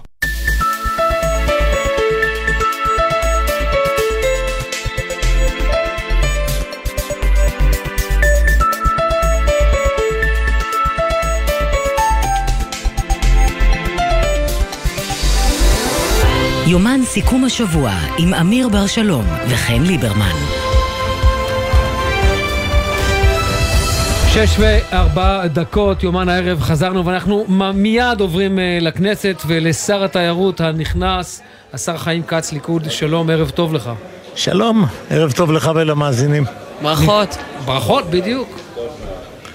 מודה. תודה רבה לכם. אז אה, השר אה, כץ, אתה יודע, אה, לצד הברכות אנחנו חייבים לשאול, יש אקורדים צורמים עם יציאתה לדרך של הממשלה הזו, חברים שלך הקרובים לא הצטרפו אליה, אנחנו מדברים על חבר הכנסת דודי אמסלם, אנחנו מדברים על כעס גדול מאוד אצל חבר הכנסת ביטן, ואכזבה אצל השר כץ, שר האנרגיה, לשנה הקרובה. אני לא חושב שהפוליטיקה זה גן של שושנים. אני מאמין שדודי אמסלם יחזור, ייקח קצת, יירגע, הוא צריך לשבת סביב שולחן הממשלה. אז הוא- למה זה לא קרה? הוא- אז זה לא קרה. נו, ואז- אבל למה, אני שואלת? מה, את מוציאה בכל מבחן 100? לא, אני לא- אני שואלת למה. גם 90 זה בסדר. אבל תראה, כשאני מוציאה אה, 90, יש בתור מה- סיבה לזה. אם אני מוציאה אה, 90, לא- אז זה אומר שאולי לא למדתי מספיק טוב, או יכולתי ללמוד קשה. קצת יותר טוב, או שהמבחן קשה. אז בגלל זה אני שואלת, מדוע הוא לא יושב מאחר? ואני לא פרשן, ולא, אני לא קבעתי את שולחן, את אה, האנשים שיושבים סביב, סביב שולחן הממשלה, אז יכול להיות שאני לא יודע דברים שאני לא יודע ואין לי מה לי- לבוא ולנסות לנחש. אני חושב שהוא ראוי והוא יגיע. טיפה סבלנות. את- אתה לא חושב שהמשבר פה הוא משבר קצת יותר עמוק ממה שאתם מנסים לצייר כביכול כלפי חוץ בליכוד? לא, ממש לא. תן לה זמן לעשות את שלו. קח שבוע, שבועיים, חודש, אני חושב שהעסק יתיישר, אני חושב שדודי אמסלם אה, הוא ליכודניק שורשי, אמיתי, ואני לא רואה אותו הולך, עושה משהו נגד הליכוד, גם אם מתהפך העולם. דווקא בגלל שהוא ליכודניק שורשי אמיתי, זו אולי הסיבה שכשליכודניק שורשי אמיתי כמו דודי אמסלם, גם הוא ליכודניק שורשי אמיתי וממורמר, יש בזה יותר פוטנציאל נזק. לא יודע. לא יודע, תשמעי, אני חושב שגם אה, דודי אמסלם אה, אשם ק- קצת, כשהוא אמר אני רוצה או זה או זה. אין, אה, לא מכתיבים במשחק הזה, זה לא לבן אה, או שחור. יש גם אה, 20 גב- אה, סוגים של אפור באמצע, והוא היה צריך להתנהל אה, אולי קצת אחרת. כי במשא ומתן, כשהולכים למשא ומתן, זה א' ב' שלימדתי את הילדים שלנו. שכל אחד ימשוך את החבל לכיוון שלו, אבל אם החבל נקרע זה לא, זה לא מתנהל. ופה העסק לא יתנהל כמו, כמו שצריך, אבל אני חושב שדודי אמסלם יגיע. השר כץ, אה, עכשיו כשכבר יש ממשלה, וראינו ושמענו הרבה את השותפות שלכם במהלך המשא ומתן הקואליציוני, עם הצעות וכל מיני סעיפים כאלה ואחרים. עכשיו, משעה שהוקמה הממשלה, הדברים ייראו אחרת, או שאנחנו נמשיך לראות אגב את אה, משיכות החבל האלה, שעדיין לא נקרא? אה, אני חושב שהעסק יתנהל אחרת. אה, בבחירות כמו בבחירות, אתה יודע, אני הייתי פעם בוועד עובדים ואנשים היו, היו מבטיחים שיעשו ככה וככה וככה ואחרי הבחירות, גם אלה שנבחרו, עברה קדנציה, לא ראו הנהלה. אז בסדר, נו. אם אה, לא נוכל, אה, מילא לא עושים, אבל אם גם לא נוכל לדבר אפשר להשתגע. ודרך אגב, בדיבורים האלה אתה מביא, אתה מביא בוחרים פוטנציאליים וזה בסדר. דיברנו מקודם עם חברת הכנסת אה, טלי גוטליב מהליכוד, שאמרה שהיא לא תצביע בעד חוקים שכן נכנסו להסכמים הקואליציוניים, למשל חוקים שמתירים אפליה. מה אתה תעשה כשהחוק הזה יובא לאישור המליאה? אני, אני מקווה שאני אהיה הראשון בנורבגי, ואז אני לא אצביע, לא אצביע בכנסת בכלל. לא על חוקים כאלה ולא על חוקים אחרים. יצא לך טוב, אבל מה דעתך על החוק הזה? מה זה יצא לי? מה, אני אומרת, שמע, יצא לא- לך טוב, שאתה לא צריך לא להתמודד עם החוקים האלה. ועם הצבעות. בואי, תשמעי. אני 23 שנה בכנסת. אני חוקקתי שעוד 200 שנה לא יהיו אנשים שיגיעו לכמות החוקים שחוקקתי. אני רציתי להיות בוועדה ולא רציתי להיות שר. אני הייתי שתי קדנציות בוועדת העבודה והרווחה אה, וחוקקתי חוקים שנוגעים בכל האוכלוסיות, מכל. מכל המגוונים, מכל הסוגים. אין בעיה, אבל עכשיו אתה בעצם תהיה בממשלה שאולי, ו- בקואליציה שמעבירה חוק שמתיר אפליה, ואתה פשוט לא תהיה זה שתצביע בעד זה, אבל אתה כן חלק מהקואליציה הזו. אני חלק מהקואליציה, אה, ואני מקווה שלא יהיה חוק כזה, וגם אם, לא, אם יהיו דברים שלא לטעמי, אז אני בממשלה אלחם על, ה, על, על הזכות לשנות, אבל אני חלק מקבוצה והקבוצה הזאת צריכה לנצח, והקבוצה הזאת צריכה להביא את מדינת ישראל למקומות יותר טובים. ואני מקווה ש... שנעשה את זה, ואם לא, אנחנו לא ראויים. השר כץ, אני יודע שאנחנו צריכים לשחרר אותך, ויושבים לנו, אבל שאלה אחת, אתה פרלמנטר הרבה מאוד שנים ופוליטיקאי מאוד ותיק ומשופשף. המ- הממשלה הזאת תחזיק ארבע שנים, או שאתה גם קוצב אותה בשנה פלוס? לא, אני חושב שהיא תמלא את ימיה. אה, וזה יהיה ארבע שנים לא יותר, כי הבחירות היו בנובמבר, והבחירות אחרי זה הם ארבע שנים אחרי, אז היא תמלא אולי חודש, חודשיים לפני, אה, אולי תקציב, אה, אבל כמעט ותמלא, כמעט ותמלא את ימיה. אגב, תקציב, אתה כבר יתחילו לעבוד עליו? 145 יום? אני חושב שצריך. אני חושב שצריך. ואם לא, זה יידחה בחודש, לא קרה כלום. אוקיי. החיפזון מהשטן. כל דבר חיים בסבלנות. תודה רבה לך. תודה רבה. עכשיו אנחנו אומרים ערב טוב ליאיר פרומר, מנהל מחלקה במרכז למחקר מדיני במשרד החוץ וממלא מקום יושב ראש ועד העובדים, ערב טוב. ערב טוב. מתכוננים לשר החוץ החדש או לשרי החוץ שהולכים זהו, להתחלף זה לכם? שרי החוץ. זה הולכת להיות אה, שנה, שנה של אלי כהן, שנתיים ישראל כץ, ואז עוד שנה של אלי כהן. אני רק לפני שהוא יענה, אני אגיד שאני חושב שהמילה מתרגלים לא מתאימה כאן. כי אין מספיק זמן. אני, אני חושב, קודם כל צריך לברך על הקמת ממשלה, אני חושב שיחד עם כל עם ישראל, הקמת ממשלה זה אירוע משמח, אירוע מבורך, כמובן שלנו כמי שעובדים עבור הממשלה, חשוב מאוד שתהיה ממשלה מתפקדת, ואנחנו מברכים את שר החוץ שנכנס, אה, נקבל אותו בברכה. אבל תשים לב מה אה, קורה, אתה יודע, אתם מקבלים בברכה וזה הכל טוב ויפה, אבל אתם כמוני קוראים את המפה, אתה יודע מה? אולי אפילו יותר טוב ממני ומכן. שים לב מה קורה. שר אחד יתפקד שנה, יביא מנכ"ל משל עצמו, ינסה, לעשות, ינסה לגבש מדיניות, אחרי שנה הוא מתחלף לשנתיים, יגיע שר אחר, מנכ"ל אחר, מדיניות אחרת, הוא מתחלף אחרי שנתיים, מגיע עוד פעם שר לשנה אחת. איך אפשר לגבש כך מדיניות בתוך משרד שאתה יודע מה, הוא אולי אחד המשרדים הכי חשובים של ישראל בשנים הקרובות, כל שכן בממשלה עם הרכב כזה. קודם כל אני מסכים שמשרד החוץ הוא אחד המשרדים הכי חשובים, ובוודאי שמשרד החוץ צריך להיות חזק ולתפקד, וחשוב שאנחנו ניתן את כל הגיבוי לשר. מה שחשוב היום, כששר נכנס, אנחנו צריכים לזכור שמשרד החוץ נמצא כבר שנה בסכסוך עבודה, שלצערנו הממשלה הקודמת אה, לא הצליחה לפתור, למרות שאנחנו עשינו מצידנו את כל מה שצריך היה, וזאת תהיה המשימה הראשונה בעצם של שר החוץ הנכנס, ובאמת, אה, אני רוצה להגיד כאן, המשימה הראשונה של שר החוץ זה לא, אה, לא שום, הייתי אומר, שום אתגר מדיני של ישראל, אלא אתגר של יחסי עבודה בתוך המשרד. זה מה שאתה אומר. אדרבה, כ- כיוון, ש, כיוון שיחסי החוץ של ישראל תלויים ביכולת של משרד החוץ לתפקד וביכולת של אה, אותם שליחי ציבור, אותם משרתים בכל הנציגויות בעולם לבצע את תפקידם, אנחנו צריכים קודם כל להסיר את זה מעל סדר היום. אני חושב שאת הדבר הזה שר יכול מה לעשות אתם מתכננים לעשות כדי. לקדם את ה- את הדבר הזה? קודם כל ניפגש עם שר החוץ, אנחנו, אה, אה, אני מקווה שניפגש איתו כבר בימים אה, הראשונים לכניסתו לתפקיד, איתו ועם צוותו, אנחנו נשב, אנחנו נסביר את הבעיות, נתדרך, חלק מהניירות כבר עברו לשולחן המשא ומתן הקואליציוני, ככה שמכירים יאיר, אותם, גם זה יניר קוזין כאן. שאלה אחת רק לפני שאנחנו נעבור לא הלאה. אה, לגבי הביקורת שלכם על שר החוץ היוצא, יאיר לפיד, אכן הייתה ביקורת כזו? הייתה ביקורת, והביקורת הייתה מוצדקת, מכיוון שבסופו של דבר ניתנו יותר מ-100 ימי חסד לממשלה הקודמת לפתור את, אה, את הבעיות הקשות מאוד, שצריך להגיד, אלה בעיות אמיתיות, אלה בעיות שהן לא נוגעות אה, בסוף לתנאי שכר כאלה או אחרים, אלא ליכולת שלנו לקיים שירות חוץ מקצועי אוקיי. אה, טוב לטובת מדינת אה, ישראל, לטובת אזרחי ישראל, את הדבר הזה צריך לפתור, ואפשר לפתור, צריך להגיד, בתוך שבועות. אה, ברור. לא צריך למשוך אפילו חודשים. אנחנו מבחינתנו ניתן את כל הגב, מדובר פה באנשי מקצוע, מדובר פה באלף דיפלומטים שיש לנו ברחבי העולם, וכמובן כל המטה בארץ שיכולים לתת את כל הסיוע לשר, ונעשה את זה, אנחנו צריכים באמת לפתור את הבעיות יחד, ואני מקווה שנעשה את זה בזריזות. תודה רבה ליאיר אנחנו-. אנחנו נאלצים לעצור אותך, כי אנחנו הכנסת צריכים אה, קוראת להגיד לנו. שלום בפעם הראשונה, בפעם השנייה כבר, כי מקודם גם אמרנו את זה, אבל עכשיו אנחנו אומרים בפעם הראשונה שהשר לביטחון לאומי, השר איתמר בן גביר, ערב טוב. ערב טוב, שלום שלום. איך המרגש? ערב טוב. אה, בסדר, ברוך השם, נכנסים לשליחות גדולה גדולה לטובת כל אזרחי ישראל, מקווה להצליח. זה כבר, אה, שים לב, ל- הוא כבר מדבר כמו שר, הוא לא אומר עם ישראל אלא אזרחי ישראל.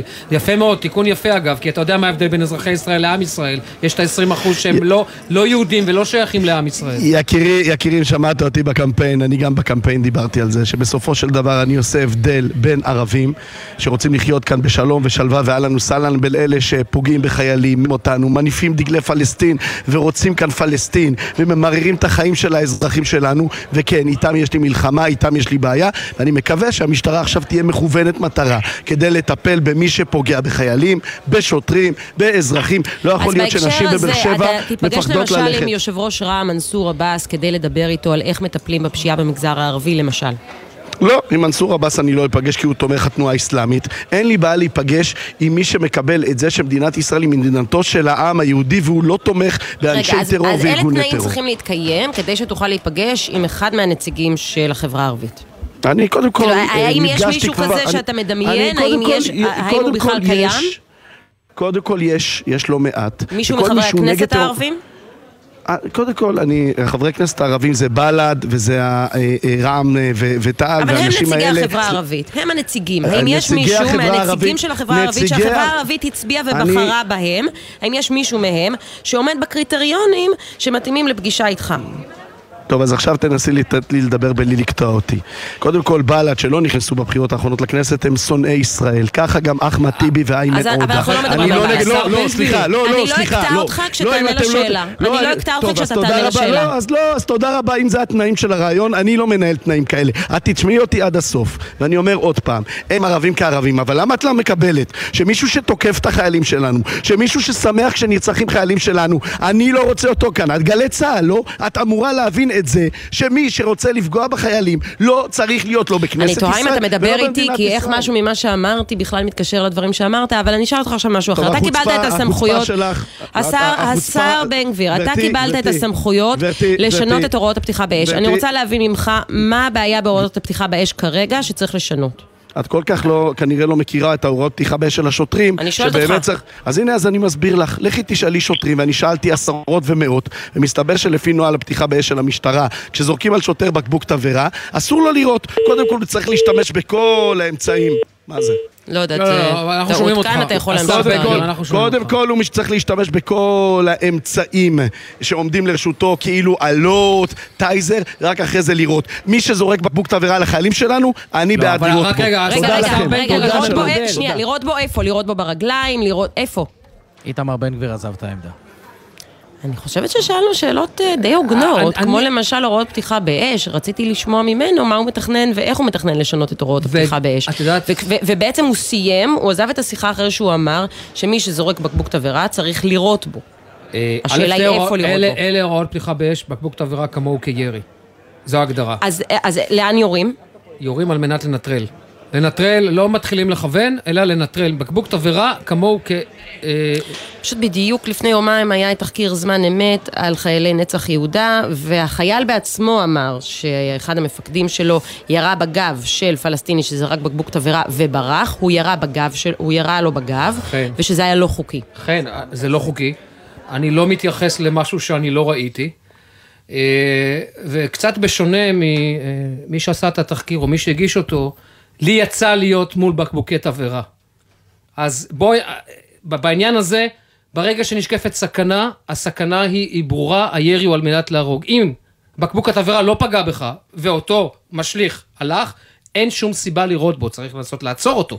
אוקיי, לא זה מה בו. שניסיתי אז- להבין מהשר שהחליט לא, אה, לא, לא, לנטוש אבל את הרעיון די אני- מהר. אני רוצה. אני רוצה להעיר משהו אחר, כי השר אה, שם כאן תבחינים, כמו כמו חברת הכנסת גוטליב, כולם מדברים מי שתוקף חיילים. אז אני שואל, מי שתוקף חיילים ביצהר, האם דינו, כמו מי שתוקף חיילים, לצורך העניין, במקומות, אה, במקומות אחרים? ובעניין הזה זה חשוב, כי סדר הוא סדר וחוק הוא חוק וחוק הוא, ל- הוא, אה, הוא לכולם. שוב, הייתי מאוד שמח לדבר עם השר בן גביר, ואני חושב שצריך לדייק את הדברים שלו לגבי הוראות פתיחה באש של שוטרים.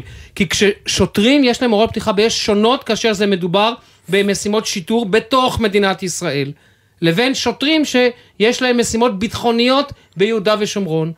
ואת העניין הזה צריך להסביר למאזינים. תראה, הייתי שמחה שוב לשאול את כל הדברים האלה לא- את השר אני- לביטחון לאומי. אני- אני לא אלא אני מנסה להסביר עד כמה פה הוא מטעה בניסוח שלו. כן. כי הניסוח שלו הוא ניסוח מטעה. אני חייבת להודות כי ש... ההורא- רק שנייה, ההוראות פתיחה באש של מג"ב באיו"ש הן זהות אחד לאחד לחיילי צה"ל. והמאזינים שלנו, כשאתם שומעים את הדברים האלה מהשר בן גביר, תבינו, כשהוא מדבר על הוראות פתיחה שונות, הוא מדבר על הוראות פתיחה בתוך שטח ישראל במשימות שיטור. לא במשימות שהן ביטחוניות. במשימות ביטחוניות, גם אם לצורך העניין הולכים למעצר מחבל חמוש בתוך מדינת ישראל, הוראות הפתיחה באש הן שונות לחלוטין. אני מבינה. אני חייבת להגיד שהעובדה שהוא נטש את הריאיון אה, מ- מהראיונות הוא לא הקודמים... הבין שהוא סיים קמפיין. לא, זה, ההפך, דווקא כשהוא היה בקמפיין, הוא לא נטש ראיונות. הוא לא כל כך מהר נוטש ראיונות, ואולי העובדה שעכשיו הוא שר, אה, הוא יכול להרשות לעצמו. הוא כבר לא בקמפיין, זה בדיוק העניין. אני, אני, אני אה, חושב שאת יודעת, אה, שרים, ובלי קשר, לא, לא קשור לדעות, ברגע שאתה נבחר ציבור, ברגע, ש- ברגע שאתה נבחר כן. ציבור, רגע, אני אומר לרגע לעורך שלנו רועי ולד, ברגע שאתה נבחר ציבור, יש עליך מחויבויות, כל שכן כשאתה שר, לקום וללכת מראיון, לא הבנת שסיימת את הקמפיין. אוקיי, נגיד שלום ל... וערב טוב למושיק אביב, שהוא מנהל מרכז ההסברה וראש המטה לטקסים ואירועים של מדינת ישראל. בבקשה, אל תנטוש את הריאיון. ערב טוב. אה, אנחנו... אה. הוא לא בקמפיין. אנחנו רוצים לדבר אה, לקראת טקס המשואות ממש בימים אלה. עוד מעט נסגרת האפשרות להמליץ על מדליקי משואות? מה מה הלו"ז? אז, אז נכון, במוצאי שבת אנחנו מסיימים תקופה של כחודשיים שאפשרנו לציבור הרחב אה, לה- להציע מועמדות ומועמדים להסעת המשואות. אנחנו ממש מתרגשים מזה ורוצים לקרוא בקריאה אחרונה לכל מי שעדיין לא המליץ על השכנים, על החברים, על האנשים שמהווים עבורם השראה.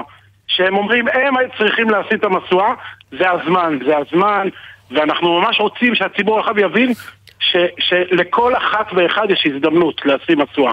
כמה, עד עכשיו, כמה בקשות אה, הוגשו, ואם אתה יכול להשוות את זה לשנים עברו, זה פחות, זה יותר? אה, כמו, אה, שנה שעברה הייתה קפיצה מאוד משמעותית, אנחנו לא, לא, עדיין לא סוכמים, אבל זה מגיע ל, ל, למספרים של שנה שעברה. שזה מה, זה עשרות? שנה- רק רגע, זה עשרות, מאות, אלפים, עשרות אלפים? זה אלפים, זה אלפים. לפני מספר שנים, כשאני התחלתי את התפקיד, לפני כשבע שנים, זה היה מאות ופחות, ובאמת אה, אה, אה, אה, עם עליית החשיבות של הטקס וחזרתו למקום, למקום המרכזי, וכולם מחכים לו, זה, זה באמת... אה, אה, אה, הפך למשהו שהוא אנשים ממליצים, וחשוב לנו שידעו שהציבור הרחב יכול להמליץ על כל אחד, זה משהו שהוא, לפעמים אומרים, אה רגע, ההוא מקורב ל... לא, ממש חשוב, כל המלצה נשקלת, אה, מתוקצרת. אני אספר לכם גם מאחורי ה... זה לא משנה מי ממליץ. הוועדה לא יודעת אה, אני מביא כיושב ראש הוועדה, מביא לוועדה את ההמלצה מתוקצרת בצורה שוויונית. אף אחד לא יודע מי המליץ, כדי שלא תהיינה הטיות, ואנחנו נותנים הזדמנות שווה לכל אה, מומלץ אה, לקבל את ההזדמנות שלו, והשנה אנחנו בסימן של 75 שנות חלוציות, 75 שנה למדינה, אז אנחנו מנסים, מדברים על הסיפור, אה, סיפור אה, של מדינת ישראל, שהוא סיפור של חלוציות, מימי התנ"ך ועד ל, לימינו אנו, ואנחנו מתכוונים לחלוצים של פעם, במושג, במובן החלוצי ש, ש, שאנחנו מכירים, וגם על חלוצים כאלה שהיום מביאים, אה, או בשנים האחרונות הביאו דברים שהם ראשונים ופרצו דרך. יש הזדמנות באמת להביא כן. פה את... אה, עכשיו, עכשיו יש של, גם אה, הדלקת משואה של אה, נציג מיהדות התפוצות, חשבתם כבר איך ביטול סעיף הנכד בחוק השבות יכול אולי להשפיע על, ה... לא על המשואה נכנס הזאת? לעניינים הפוליטיים, אני כמשרת ציבור מזה 30 פלוס שנה, מסתכל על טובת המדינה, אני משרת את המדינה, מביאים את הכל בצורה שוויונית, לא משפיע, עברנו באמת את כל מנעד הזרמים והאפשרויות הפוליטיות, והטקס נשאר, ממשיך להיות ממלכתי. בטח. שמעת ששרת התחבורה מירי רגב מתעקשת כן להישאר גם יו"ר ועדת הטקסים. מה כל כך קוסם וכל כך כיף אצלכם שם בוועדה שהיא, שהיא לא, לא משחררת את הוועדה הזאת? אני לא, לא, לא מתייחס ל, ל, להחלטות פוליטיות, אני יכול להגיד עבדתי גם עם השרה מירי רגב וגם עם השר חילי טרופר ועם ראש הממשלה בנימין נתניהו ואפשר וידוע שהדבר הזה באמת מביא הרבה מאוד, אה, אה, זה נוגע בנימים הכי הכי אה, רגישים של אה, אזרחי מדינת ישראל ואני שמח ויודע שכולם אה, אה, מעוניינים בזה וזה, וזה, וזה מחמיא מאוד אה, אה, וח, וחשוב מאוד. אז לכן זה לא, לנו לא משנה, אנחנו במרכז ההסברה משרתי ציבור ולא משנה, זה לא, זה לא רלוונטי מי השר הרלוונטי, אנחנו עושים את זה לתפארת מדינת ישראל ואנחנו נקבל אבל בחיבוק א- איך ההחלטה מתנהלת? מה- מה חלקו של השר בקבלת ההחלטה? תקנון, חלקו מאוד מאוד מרכזי, יש תקנון, הוועדה אה, ממונה על ידי, חלקה של השרה, לא של השר. של השר או השרה. לא, לא, אני אה, מתקנת את עצמי, כי עכשיו זו שרה. אוקיי, אז, אז קודם כל אני לא קיבלתי רשמית את הזה ואנחנו, אה, אה, אני ביחסים מצוינים עם מירי רגב ו, ו, ו, ובשמחה רבה, אבל, אבל באמת אה, אה, אנחנו פועלים על פי תקנון והתקנון הוא כזה שאנחנו אה, אה, אה, מכנסים ועדה, הוועדה יש לה חברים, אה, נציגים, אה, נציגות קבועה ונציגי ציבור ובתום עבודת הוועדה מגישים לשר או לשרה הרלוונטיים, ליושב ראש או יושבת ראש ועדת שרים לסמלים וטקסים, את uh, המלצות הוועדה, ומתוכם נבחרים אלה ש... רגע, רגע, אה, מה זה נבחרים? רגע, מה זה נבחרים? זה השר הממונה בוחר? הוועדה אה, מביאה לשר, זה לא השר הממונה, זה יושב ראש ועדת שרים לסמלים וטקסים. הוועדה מביאה אה, כ-20, היה שינוי בשנים, לפני כמה שנים בתקנון, מביאה כ-20 אה, מועמדות ומועמדים, ומתוכם, אחרי שיקולים כאלה ואחרים, אה, נבחרים 14. על ידי פוליטיקאי. 12 על ידי פוליטיקאי. על ידי השר, כמובן, ב, ב, אה, אה, כמובן בהתייעצות ובשיקולים אה, אה, איתי כיושב ראש הוועדה. אה, לך נותנים יש זכות וטו, אה, לך, במידה ויש אה, ויכוח או מחלוקת בינך לבין השר, דעתו של מי קובעת? לא, לא, לא. אני, אני במדינה דמוקרטית ודירקטיבה, הדירקטיבה שלי זה השר הרלוונטי ואני כפוף להחלטותיו. אה, עכשיו, ו- אבל תראה, לאורך השנים, אה, יו"ר ועדת הטקסים היה בכל זאת, היה שר התרבות והספורט. יש היגיון בחיבור בין שר התרבות והספורט, שעכשיו זה מיקי זוהר, לא, לא, ל- להיות אה, יו"ר ועדת הטקסים? זה, זה, זה משתנה, זה היה במשרד החינוך, זה היה במשרד התרבות וזה היה במשרד ההסברה כשיולי אדלשטיין היה שר, אני שירתתי בצבא בזמנו. אז אתה אבל אומר לא שזה לא. מחויב התפקיד של אה, שר התרבות לא- והספורט. לא היה איזשהו יתרון לזה? לא, לא, אין, אה, לא תכניסו אותי לשיקולים פוליטיים, זה באמת מעבר. אני ההפך, אני שואלת אותך פה על שיקולים של תוכן, שיקולים של יעילות. אני מדברת פה, האם יש היגיון בחיבור בין משרד התרבות ההיגיון- והספורט לוועדת ההיגיון הטקסים? היחיד הוא שמרכז ההסברה, המטה לטקסים ואירועים ממלכתיים, נשמר כגוף ממלכתי ופועל בצורה ממלכתית על פי כל אה, הכללים, ואנחנו שרים למרות אה, אה, השר או היושב ראש ועדה ש- שאחראי עלינו ורלוונטי. ועושים את זה באמת ב- בסדר ב- גמור. באמונה גדולה ובאהבה. צלחת את זה יפה, לא אמרת שום דבר פוליטי, לא הסתבכת, הכל בסדר. מושיק אביב, לא, לא, תודה. אני לא מסתבך, אני פועל מתוך אה, מקום מאוד מאוד ערכי ומאוד מאוד ממלכתי, ולכן הכל, אה, הכל כן. אה, יתקבל בברכה. מושיק תודה רבה אביב. לך. לתפארת מדינת ישראל, ושימליצו, שימליצו, שימליצו, ותודה לכם. תודה לך. להתראות. כמה הודעות, אנחנו כבר חוזרים. בחסות רשת ביתילי, המציעה לסגור את השנה בחצי ספה. סליחה, בחצי מחיר. מכירת סוף שנה, עד חצי מחיר, על מגוון רהיטים ופרטי עיצוב. באתר ובסניפי ביתילי. בחסות אנשור פלוס אדוונס, המסייע לשמירה על הכוח וההגנה הטבעית. אנשור פלוס אדוונס, שאלו את הרופא או את הדייתן.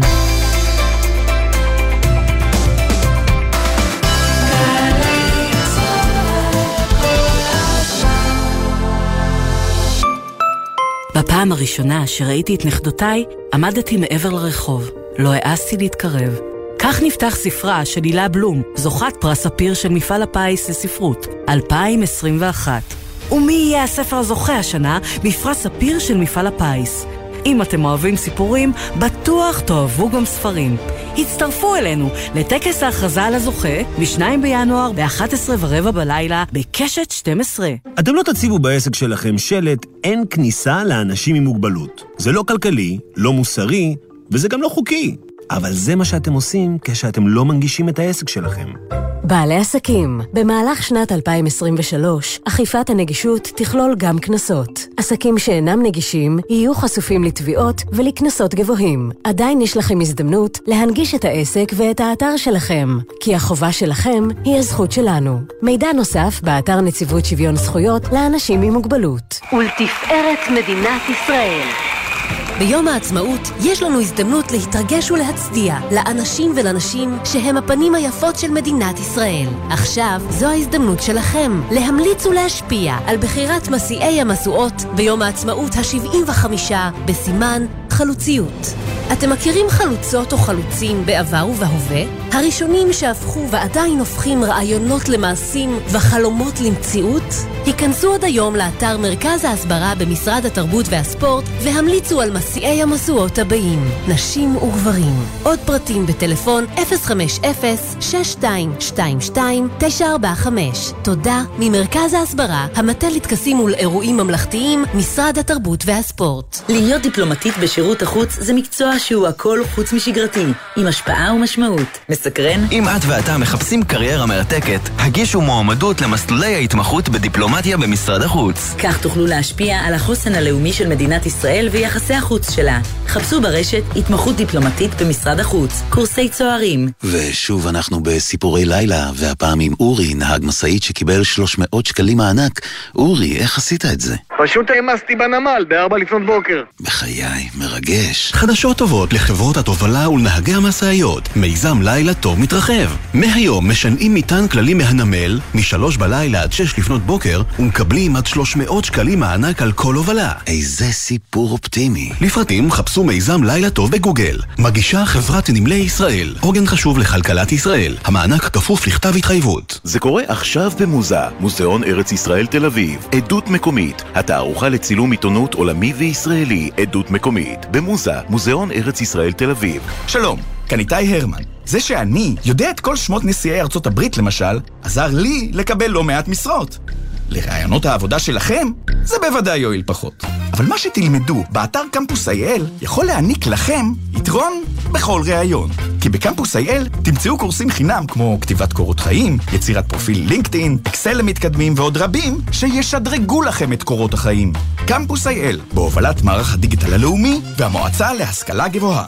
עכשיו בגלי צה"ל, אמיר בר שלום וחן ליברמן. טוב, קצת מנוחה מפוליטיקה, נכון, הייתה לנו עכשיו את השבעת הממשלה, ויש עוד הרבה עניינים בכנסת, אבל אפשר גם קצת אה, להירגע עם סיפור, אה, סיפור מאוד חביב, לא נשמע ככה על פניו. אה, תלמיד כיתה י"ב, קטין, אה, נתקע ברומניה, עוד מעט הוא יסביר לנו איך, אבל בגלל שהוא קטין ובלי הורים, הוא היה לבד, הוא נשלח לבית יתומים. עכשיו, זה לא מצחיק כשמדברים על בית יתומים, אבל אתה לא מבין איך הדבר הקטן הזה שסיפרתי עכשיו, איזה אה, אה, בדיחות ו- ו- ודיונים זה גרר בטוויטר, בגלל שאותו קטין, תלמיד כיתה י"ב, יש לו פרופיל בטוויטר, גל בשן, והוא גם בחור מאוד מצחיק, שלום. מצחיק, זהו, עם חוש הומור, שלום גל. אהלן. שוב, לא שיש משהו מצחיק בבית יתומים, אבל איכשהו זה גרם להרבה אנשים לצחוק. אתה, אתה יכול להסביר לי מה בדיוק קרה אה, לך ברומניה ואיך הגעת לבית יתומים שם? אה, כן, אני נסעתי ללונדון עם שני חברים, ובדרך חזור היה לנו connection בבוקרשט. אה, אנחנו בקונקשן, אנחנו מגיעים לדרכונים, ואני מוציא את הדרכון הרומני שלי כדי לעקוף את התורים. אה, אני רואה שלוקח לבחור בעמדה של הדרכונים הרבה זמן לבדוק לי את הדרכון. בסוף הוא לוקח אותי אחורה, אני מבין שמשהו לא בסדר, שם אומרים לי שאני לא אטוס היום, ושהרווחה עוד מעט תבוא לקחת אותי לבית יתומים. הרווחה... באיזה שפה, הם- אה, הכל באנגלית או שאתה מבין רומנית במקרה? לא, אני לא מבין רומנית, אה, הכל באנגלית. ואתה חושב לעצמך, רגע, זה בדיחה, או הסתבכתי? כן, אני באותו רגע, בפעם הראשונה שהם אמרו לי את זה, לא, לא לגמרי הבנתי מה, למה הם מתכוונים. ל- לרגע חשבתי שזה אולי יכול להיות בדיחה, אבל אני מסתכל על הפרצופים שלהם ואני רואה שהם רציניים לגמרי. אה, ונורא הם נורא... מסבירים? כן, הם מסבירים שלפי החוק, ברומניה, אזרח רומני קטין לא יכול לצאת מהמדינה בלי ליווי הורים. אה, הבנתי, ואתה לא, מן הסתם, לא ידעת את הדבר הוא הזה. עדיין תחת אפוטרופוס. כן, לא ידעתי. אז מה אתה עושה באותו רגע? מה אתה אומר לחברים שלך? איך בכלל אתה מגיב לכל הסיטואציה הזאת? אה, קודם כל אני נורא נורא נלחץ, ישר התקשרתי להורים, אמרתי להם, אבא, אימא, בביקורת, אני פה בביקורת גבולות, לא נותנים לי לעבור את הגבול, לצאת מהמדינה. פתאום אני שומע את שניהם קמים, מה, מה זאת אומרת? טירוף. רגע, עכשיו, תן לנו רגע תמונת מצב עכשיו. אתה עכשיו בבית יתומים? לא, אני עכשיו בבית. אה, כן, כן, הכל נגמר. הכל נגמר. אז מה קורה מאותו רגע? אתה, אתה עולה איתם לאיזשהו רכב ומסיעים אותך לבית היתומים. אה, כן, אני מחכה בשדה כמה זמן, ואז מגיעה אישה, לוקחת אותי לרכב. אה, ברכב מסיעים אותי לבית יתומים. ומה אתה רואה שם? קודם כל אני מגיע, ישר מכניסים אותי לחדר עם הרבה הרבה מיטות, כל המיטות מצעים כאלה ורודים, ואני שומע שמאחוריי נעלו את הדלת של החדר, וזה נורא נורא הפחיד אותי. אבל אתה עם הטלפון שלך. כן, אני עם הטלפון שלי. ומצלם ומעלה לטוויטר. כן, בעצם אה, התחלתי, כדי לעדכן אנשים שיראו מה קורה, אה, לצלם ולצייץ, ואנשים נורא נורא נכנסו לזה, וזה נורא התפוצץ. אני ראיתי את, התמו, את האמיתות ש... בסרטון שהעלית, זה מיטות של בני נוער? זה מיטות כבר של אה, ילדים גדולים. כן. אז, אז יצא לך לפגוש שם ילדים, או שהיית בחדר הנעול הזה ולא לא הייתה שום אינטראקציה? אה, אני הייתי בחדר לבד, אבל כשהוציאו אותי מהבית יתומים, אז ממש נכנסתי לאוטו, ורק אז יצאו כל הילדים מהבית יתומים וראיתי אותם. בני כמה הם?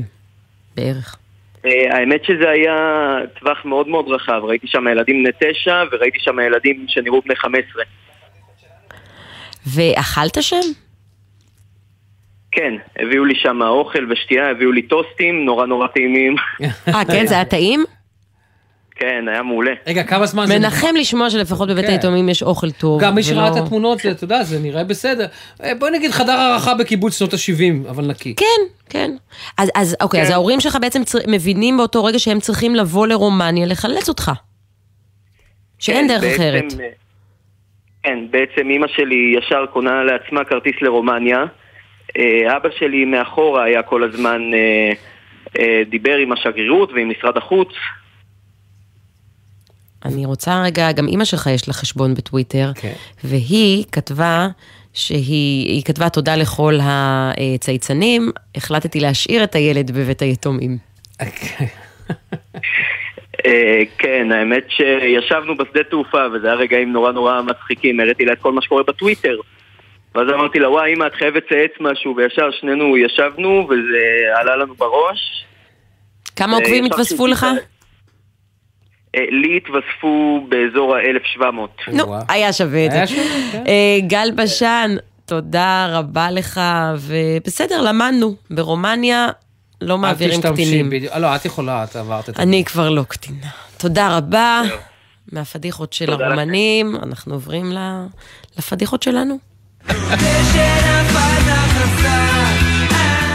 כוכבים משתפים בפדיחות על הבמה.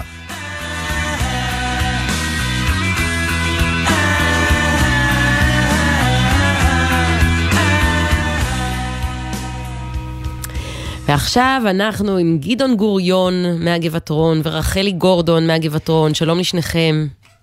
ערב טוב, שלום, היי גדעון. היי, ערב טוב. אני לא חושב שלגבעתרון יכולות להיות פדיחות. כל כך הרבה שנים. אה, אני אומרת לך, יש, יש פדיחות, אבל לפני שאנחנו מגיעים לפדיחות, אני רוצה רגע לחזור איתכם כמה חודשים אה, אחורה.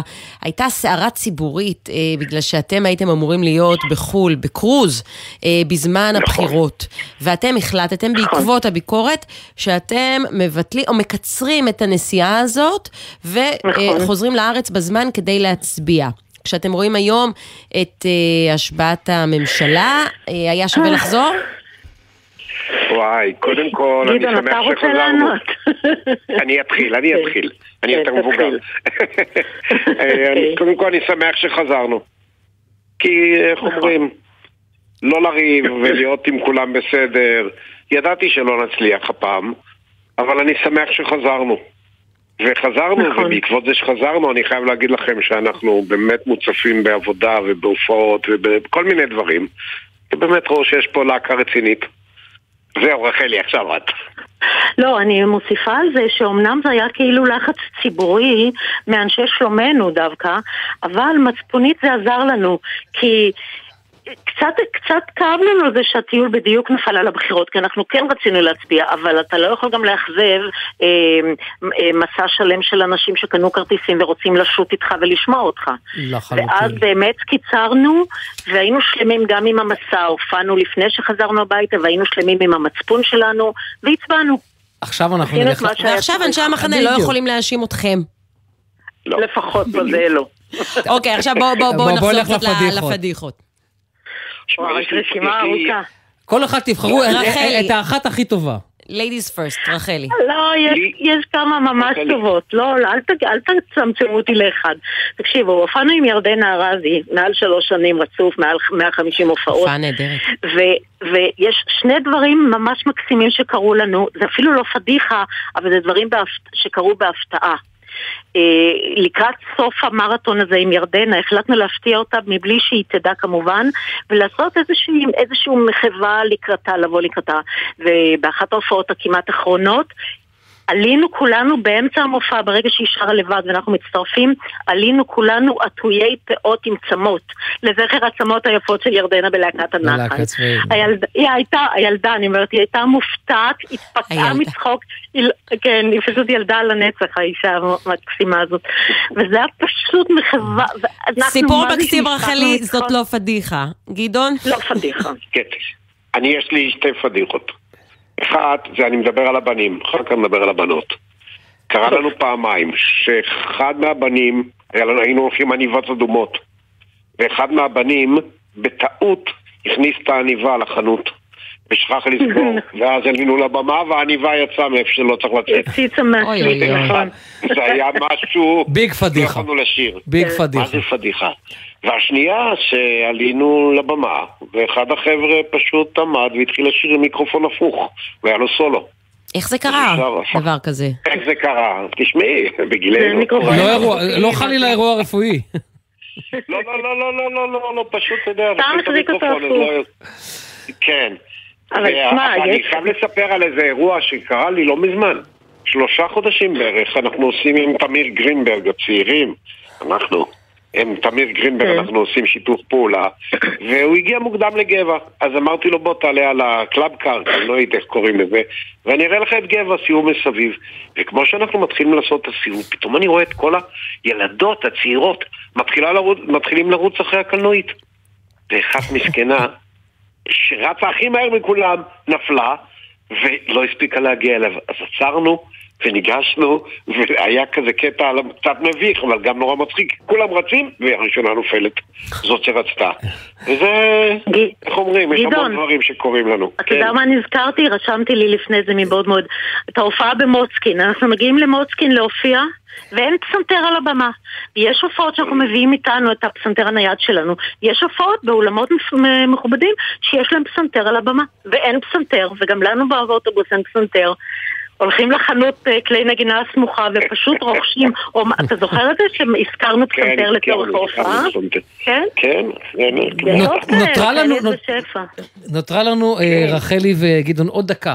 אז אני נותן לכם את הזכות לפדיחה האחרונה קצרצרה. רחלי, יש לך פדיחה? אוקיי, כן. אה, היום יש לנו שרפרפים, אבל פעם הופענו על קוביות מעץ, ואחד החבר'ה עמד על הקובייה, והיא כבר, הקובייה הייתה בערך בגיל של הגבעתרון, והיא נשברה, והוא נפל פנימה, לתוך הקובייה. כן? נכון, נכון. היה, היה. היה גם זאתי. אני- אחת הבנות הנחמדות שלנו גם עלתה לבמה בלי מיקרופון. ומתחילים לשיר ים. השיבולים, והיא לוקחת את זה ביד, את היד שלה, וכאילו יש מיקרופון ביד. כמו בחברות. ואין מיקרופון. ים השיבולים והיא שרה בצורת. מעניין שם בגבת, מעניין. אמ, איפה אתם, אה. מתי ההופעה לא גבעת, הקרובה? גבע. גבע, גבע. סליחה. מתי ההופעה הקרובה? ההופעה הקרובה, יש לנו הפתעה ביום. רביעי, אבל אסור לנו להגיד, ויש לנו ממש באוטו יום אחרי זה בירושלים. אני ראיתי אתכם. ממש לאחרונה בחולדה והיה נהדר. נכון, זה אמיר בקרוב דיבר שאסור להם? להגיד, בישיבת הממשלה. אתם אמיר, נכון? ראינו אותך, שמחנו, לא פעם ראשונה אגב. נכון. שמחנו לראות אותך. יפה, נכון. גדעון גוריון, רחלי גורדון, חברי להקת הגבעתון, תודה רבה. תודה רבה. לכם. תודה רבה, תודה, איזה. כיף. להתראות. ערב טוב. ועכשיו נגיד ערב טוב לפרופסור דוד פסיק.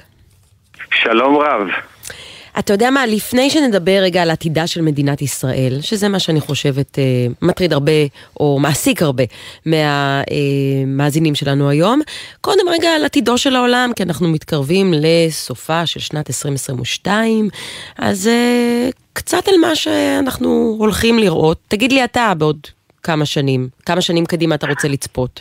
ראי, זו שאלה רחבה מדי, זה רחב מני ים. אני יכול להגיד לך שהעשור הקרוב אה, הולכת אה, וקורמת עור וגידים אה, מלחמה בלתי רגילה בין המערב לבין המזרח, בראש המערב כמובן הברית וסין. לפי כל מה שאני יודע ומבין, אנחנו פשוט לא נוכל למנוע את זה, זו התנגשות ברורה לחלוטין, וההתנגשות הזו כמובן היא תשפיע על כל כך הרבה דברים. רק, רק, רק לעצור אותך לרגע, כי אתה אומר מלחמה, אתה מדבר על מלחמה פיזית, או המשך המלחמה הכלכלית ש... ו... וכל מה שקשור למלחמה קרה? אה, לפי כל מה שאני מצליח להבין בנקודת הזמן הזו, וסביר להניח שאנחנו באמת לא מבינים את הכל ולא יודעים את הכל, זה אה, הסיכוי שזה יגלוש גם למלחמה פיזית הוא סיכוי גבוה מאוד. כולל כשאני גרעינית? מדבר על סיק... אה, לא, גרעינית חלילה, אוי ואבוי אם המין האנושי ישתמש בגרעין, אנחנו... אני מזכיר לך שהמדינה צרורה. היחידה שהשתמשה עד היום, המעצמה היחידה שהשתמשה בגרעין זו הדמוקרטיה הכי גדולה. נכון מאוד, אה, אבל אז לא הבינו בכלל את מלוא המשמעות של זה. היום אפילו פצצה טקטית, לא פצצת גרעין כמו ששמו על אה, אה, הירושימה, יש לה השלכות גלובליות. מעבר למה שאנחנו מסוגלים להבין, הסימולציות שנעשות הן סימולציות מפחידות ממש. אבל איפה רוסיה תהיה במלחמה הזאת בין אה, סין לארצות הברית? אה, סליחה שוב? איפה רוסיה תהיה במלחמה בין סין לארצות הברית? אה, רוסיה כרגע עושה את כל הטעויות שיגרמו לה ללכת לישון בהיסטוריה לפחות מאה שנה. אז היא תמיד תהיה במה שנקרא בפריפריה של העימות הזה, והיא תנסה לעזור לזה ותנסה לה- להשפיע כאן, אבל זהו, היא סיימה את תפקידה כמעצמת על של המאה ה-20, והיא תיכנס כמובן למצב קשה, כל הפרמטרים, כל המשתנים שאפשר להבין היום על מה שמתרחש ברוסיה הם פרמטרים מאוד שליליים, החל מהדמוגרפיה וכלה בכלכלה וכמובן במעמד בינלאומי, כמעט בכל דבר, אבל זה לא אומר שהם נעלמים, זה אומר שהם פשוט נכנסים לתקופה ארוכה מאוד של, אה, אה, של שינה גיאופוליטית. עכשיו, לפני שנלך על, ה, על עתידה של מדינת ישראל, אני כן רגע רוצה להבין קצת על התחום שלך, התחום אה, חקר העתיד. אה, במה זה שונה, ואני מבינה שזה שונה, אבל אני הייתי רוצה שתסביר את זה, מלמשל, נגיד שיחה שיכולנו לנהל עכשיו עם מומחים אה, לביטחון, אה, עניינים אסטרטגיים, מדעי המדינה, כלומר, מה הם הדברים האחרים, הפקטורים האחרים שאתה מכניס למחקרים שלך, ש, שמבדילים אותך? שני הבדלים משמעותיים מאוד. אנחנו קודם כל חוקרים של מערכות. אה, אנחנו מנסים להבין אם יש היגיון במערכת, ומערכת זו יכולה להיות מערכת פוליטית, כלכלית, גיאופוליטית. מרבית האנשים מתהלכים, מרבית הדיסציפלינות האחרות מתהלכות בתחושה שזה הכל כזה אקראי, זה נתן טלפון פה, זה עשה מעשה כאן, זה פיצץ משהו פה, וזה לכאורה משפיע. או אה, מנהיג אחד פה עלה, או מנהיג אחד שם ירד. רוב הדיסציפלינות האחרות נותנות משקל יתר לעניות דעתנו למשתנים הבודדים הללו. אנחנו מבינים שיש מערכת, והמערכת הזו יש לו ההיגיון, והיא אה, נמצאת בווקטור מסוים של התפתחות. אז זה דבר אחד. הדבר השני הוא שאנחנו מאוד מולטי-דיסציפלינריים, משום שאנחנו בעצם אה, חו- חוקרי מערכות, אז אין מערכת שהיא רק כלכלית, אין מערכת שהיא רק ביטחונית, אין מערכת שהיא רק אה, ביולוגית. הכל אה, קשור בהכל, ואם אתה יודע להביא משתנים רבים מדיסציפלינות שונות בעזרת מתודולוגיות אה, מהימנות, אז אתה מבין קצת יותר טוב לאן כן. המערכת נעה. אז מה עם מערכת זה- האקלים למשל? אז זו, אה, זו דוגמה למשל, מערכת האקלים היא מערכת שכרגע יש אה, הרבה אנשים שטוענים שאנחנו הולכים לקראת אה, כמובן התחממות עם מלוא ההשלכות של זה. אבל יש אחרים שאומרים רגע רגע בוא זה לא כזה ליניארי פשוט. המערכת היא מורכבת מאוד. לא בטוח שאנחנו מבינים בכלל איך היא מתנהגת. לא בטוח שאנחנו מבינים ויודעים להכניס את כל המשתנים. ולכן מנקודת מבט של חוקרי עתיד אנחנו צריכים להיות מאוד זהירים כשאנחנו באים ועושים מה, ש... מה שהרבה אנשים עושים אקסטרפולציה לינארית. לוקחים נתונים ממאה השנים האחרונות אבל יש לך איזשהו צפי לגבי התחממות גלובלית ואיך היא תשפיע גם על מהלכים גיאופוליטיים?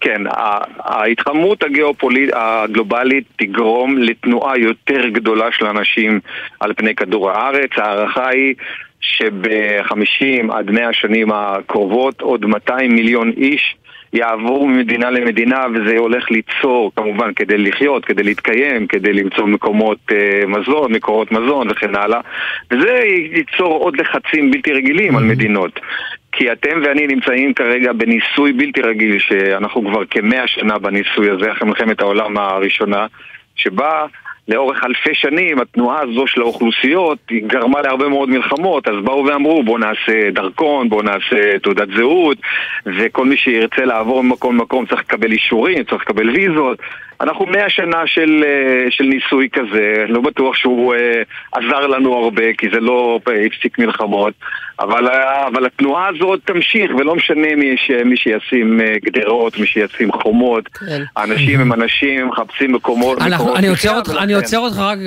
זמננו קצר ואנחנו רוצים להגיע למדמנה שלנו כאן או לצורך העניין אז זהו, אז, אז אם בעוד 50 שנה עוד אפשר יהיה לגור כאן בישראל כי בכל זאת אנחנו במזרח התיכון והוא מתחמם יותר מהר קישור יפה, כן, קישור כן. יפה, אינטליגנטי. אז, אז איך אתה צופה את העתיד כאן? ההתחממות הזו היא לא גורמת לכך שאנשים לא יוכלו לחיות. היא גורמת לדברים מסוימים להשתנות. הרי כדור הארץ הזה כל הזמן אה, חי, משתנה, דינמי. אז אנחנו נעבור עוד אה, תקופה של 100-200 שנה של אה, התחממות. וזה ישנה. לא, לא, התכוונו למזג האוויר הפוליטי, או אם אפשר להגיד, או שהייתי אומר לא למזג האוויר הפוליטי, אלא למזג הפוליטי. המזג הפוליטי, אוקיי. אז פה, שוב, אני רוצה לתת אה, דיאגנוזה, כדי שאני אוכל לומר מה כנראה הולך להתרחש. הדיאגנוזה היא פשוטה. מדינת ישראל הוקמה אה, בעזרת זרמים רבים בתוך היהדות, שבתחילת הדרך הם שמו בצד, כל זרם שם בצד כיצד רואה את ייחודה, את זהותה של המדינה, במטרה קודם כל לבנות בית לאומי על מנת שהגורל לא יחזור על עצמו. כשאני הולך וחוקר את, ה, אה, את התופעה הזו אצל עמים רבים, אני רואה שיש דפוס שסביר להניח שגם אנחנו נפעל בתוכו. והדפוס אומר שבדרך כלל לאום חדש שנבנה על בסיס ברית גורל בין המרכיבים שלו, אחר ארבע דורות, הברית הזו מתפרקת, היא מתפרקת בהתחלה ברצח של מנהיג, ולאחר מכן במלחמת אזרחים. זה מה שקרה בהרבה מאוד מקומות. אנחנו עוברים גם את אותו תהליך. יש הבדל קטן בינינו לבין אחרים, שהוא משמעותי מאוד, זה, אנחנו, זה שאנחנו לא עם חדש, אנחנו למעשה עם מתחדש. יש לנו בנרטיב שלנו, יש לנו ב-DNA שלנו את, ה, את הזיכרון הקשה לתקופו, של תקופות רבות שבהן נכשלנו, וזה יגרום לכך שאנחנו נעשה את התהליך הזה בעצימות יותר נמוכה. אם כמובן נדבר על זה, נדבר שאנחנו בעצם נעים לקראת, באופן ברור, נעים לקראת התנגשות בין הזרמים. אוקיי? וההתנגשות הזו יכולה לבוא גם עד כדי מלחמת אזרחים?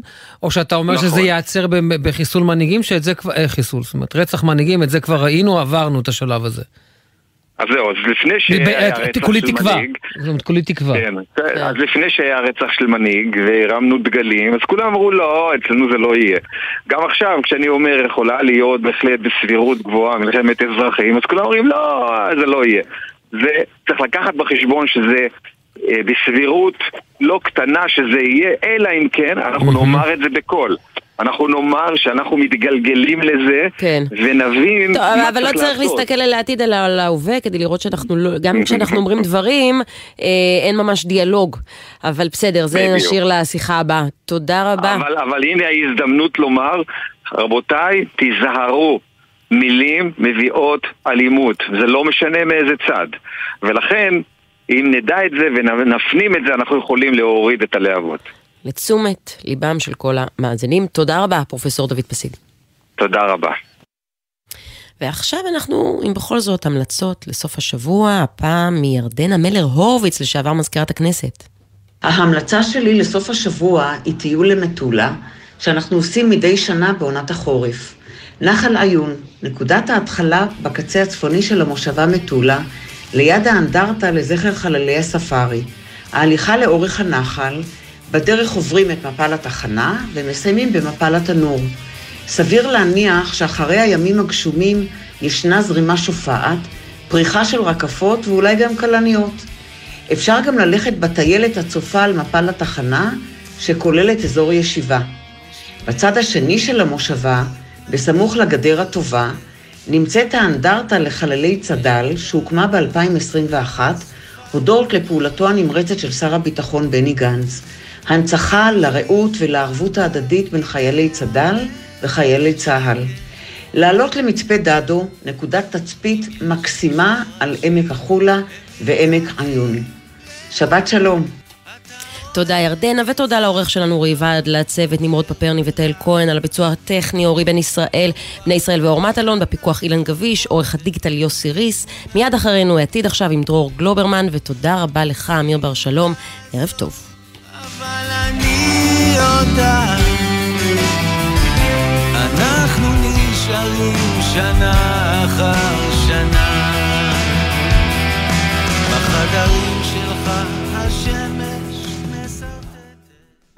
בחסות מטבחי סמל, המזמינים אתכם לימי מכירות בהנחות על מטבחים ומוצרים משלימים. עד סוף דצמבר, מטבחי סמל, כשטכנולוגיה פוגשת אומנות. בחסות אנשור פלוס אדוונס, המסייע לשמירה על הכוח וההגנה הטבעית. אנשור פלוס אדוונס, שאלו את הרופא או את הדייתן. בחסות פנגו, מתדלקים בפנגו בהנחה בתחנות סונול וצוברים כסף לחניה כחול לבן. ללקוחות סימפל מוגבל בזמן, כפוף לתנאי השירות. בחסות רשת ביתילי, המציעה לסגור את השנה בחצי ספה. סליחה, בחצי מחיר. מכירת סוף שנה, עד חצי מחיר, על מגוון רהיטים ופרטי עיצוב. באתר ובסניפי ביתילי.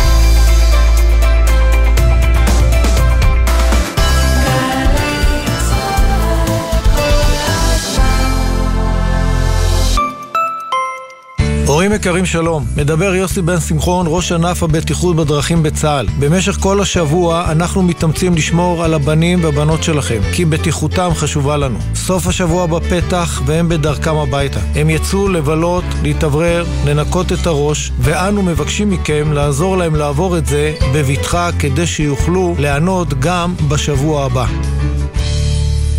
אתם לא תציבו בעסק שלכם שלט אין כניסה לאנשים עם מוגבלות. זה לא כלכלי, לא מוסרי, וזה גם לא חוקי. אבל זה מה שאתם עושים כשאתם לא מנגישים את העסק שלכם. בעלי עסקים, במהלך שנת 2023, אכיפת הנגישות תכלול גם קנסות. עסקים שאינם נגישים יהיו חשופים לתביעות ולקנסות גבוהים. עדיין יש לכם הזדמנות להנגיש את העסק ואת האתר שלכם, כי החובה שלכם היא הזכות שלנו. מידע נוסף באתר נציבות שוויון זכויות לאנשים עם מוגבלות. להיות דיפלומטית בשירות החוץ זה מקצוע שהוא הכל חוץ משגרתי, עם השפעה ומשמעות. מסקרן? אם את ואתה מחפשים קריירה מרתקת, הגישו מועמדות למס... מסלולי ההתמחות בדיפלומטיה במשרד החוץ. כך תוכלו להשפיע על החוסן הלאומי של מדינת ישראל ויחסי החוץ שלה. חפשו ברשת התמחות דיפלומטית במשרד החוץ, קורסי צוערים. בפעם הראשונה שראיתי את נכדותיי, עמדתי מעבר לרחוב. לא העזתי להתקרב. כך נפתח ספרה של הילה בלום, זוכת פרס ספיר של מפעל הפיס לספרות, 2021. ומי יהיה הספר הזוכה השנה בפרס ספיר של מפעל הפיס? אם אתם אוהבים סיפורים, בטוח תאהבו גם ספרים. הצטרפו אלינו לטקס ההכרזה על הזוכה ב-2 בינואר ב-11 ורבע בלילה בקשת 12. שלום, כאן איתי הרמן. זה שאני יודע את כל שמות נשיאי ארצות הברית למשל, עזר לי לקבל לא מעט משרות. לרעיונות העבודה שלכם, זה בוודאי יועיל פחות. אבל מה שתלמדו באתר קמפוס IL יכול להעניק לכם יתרון בכל ראיון. כי בקמפוס IL תמצאו קורסים חינם כמו כתיבת קורות חיים, יצירת פרופיל לינקדאין, אקסל למתקדמים ועוד רבים שישדרגו לכם את קורות החיים. קמפוס IL, בהובלת מערך הדיגיטל הלאומי והמועצה להשכלה גבוהה. בשנה הקרובה אתם עומדים לשמוע הרבה... יש! וגם... אני לא מאמינה! ולא מעט... זכינו! 30 אלף, כן, 30 אלף זכאים יזכו השנה להגשים חלום ולזכות בדירה בהנחה בהגרלות של משרד הבינוי והשיכון ורשות מקרקעי ישראל. אז בהנחה שאין לכם דירה ובהנחה שאתם זוג נשוי או רווקים בני 35 ומעלה, יש לכם סיכוי לזכות בדירה בהנחה. חפשו ברשת דירה בהנחה, תקווה לדירה במרחק הגרלה, כפוף לתקנון. חדשות טובות לחברות התובלה ולנהגי המשאיות. מיזם לילה טוב מתרחב. מהיום משנעים מטען כללי מהנמל, משלוש בלילה עד שש לפנות בוקר, ומקבלים עד 300 שקלים מענק על כל הובלה. לפרטים חפשו מיזם לילה טוב בגוגל. מגישה חברת נמלי ישראל, עוגן חשוב לכלכלת ישראל. המענק כפוף לכתב התחייבות. וואו, וואו! לאן אתה ממהר, אח שלי? מולך רבת רועי שמעיה, לוחם מחטיבת כפיר. תוריד קצת את הרגל מהגז. אתה לא בפעילות מבצעית באיום ממשי לחייך. כשאתה נוסע מהר, גם אם הנהג תותח כמוך, היכולת שלך להגיב בזמן לסכנה נמוכה יותר. אז סע לפי המהירות המותרת, ובעיר, אפילו לאט יותר. סומך עליך, אח שלי. גם אני מחויב לאנשים שבדרך עם הרלב"ד.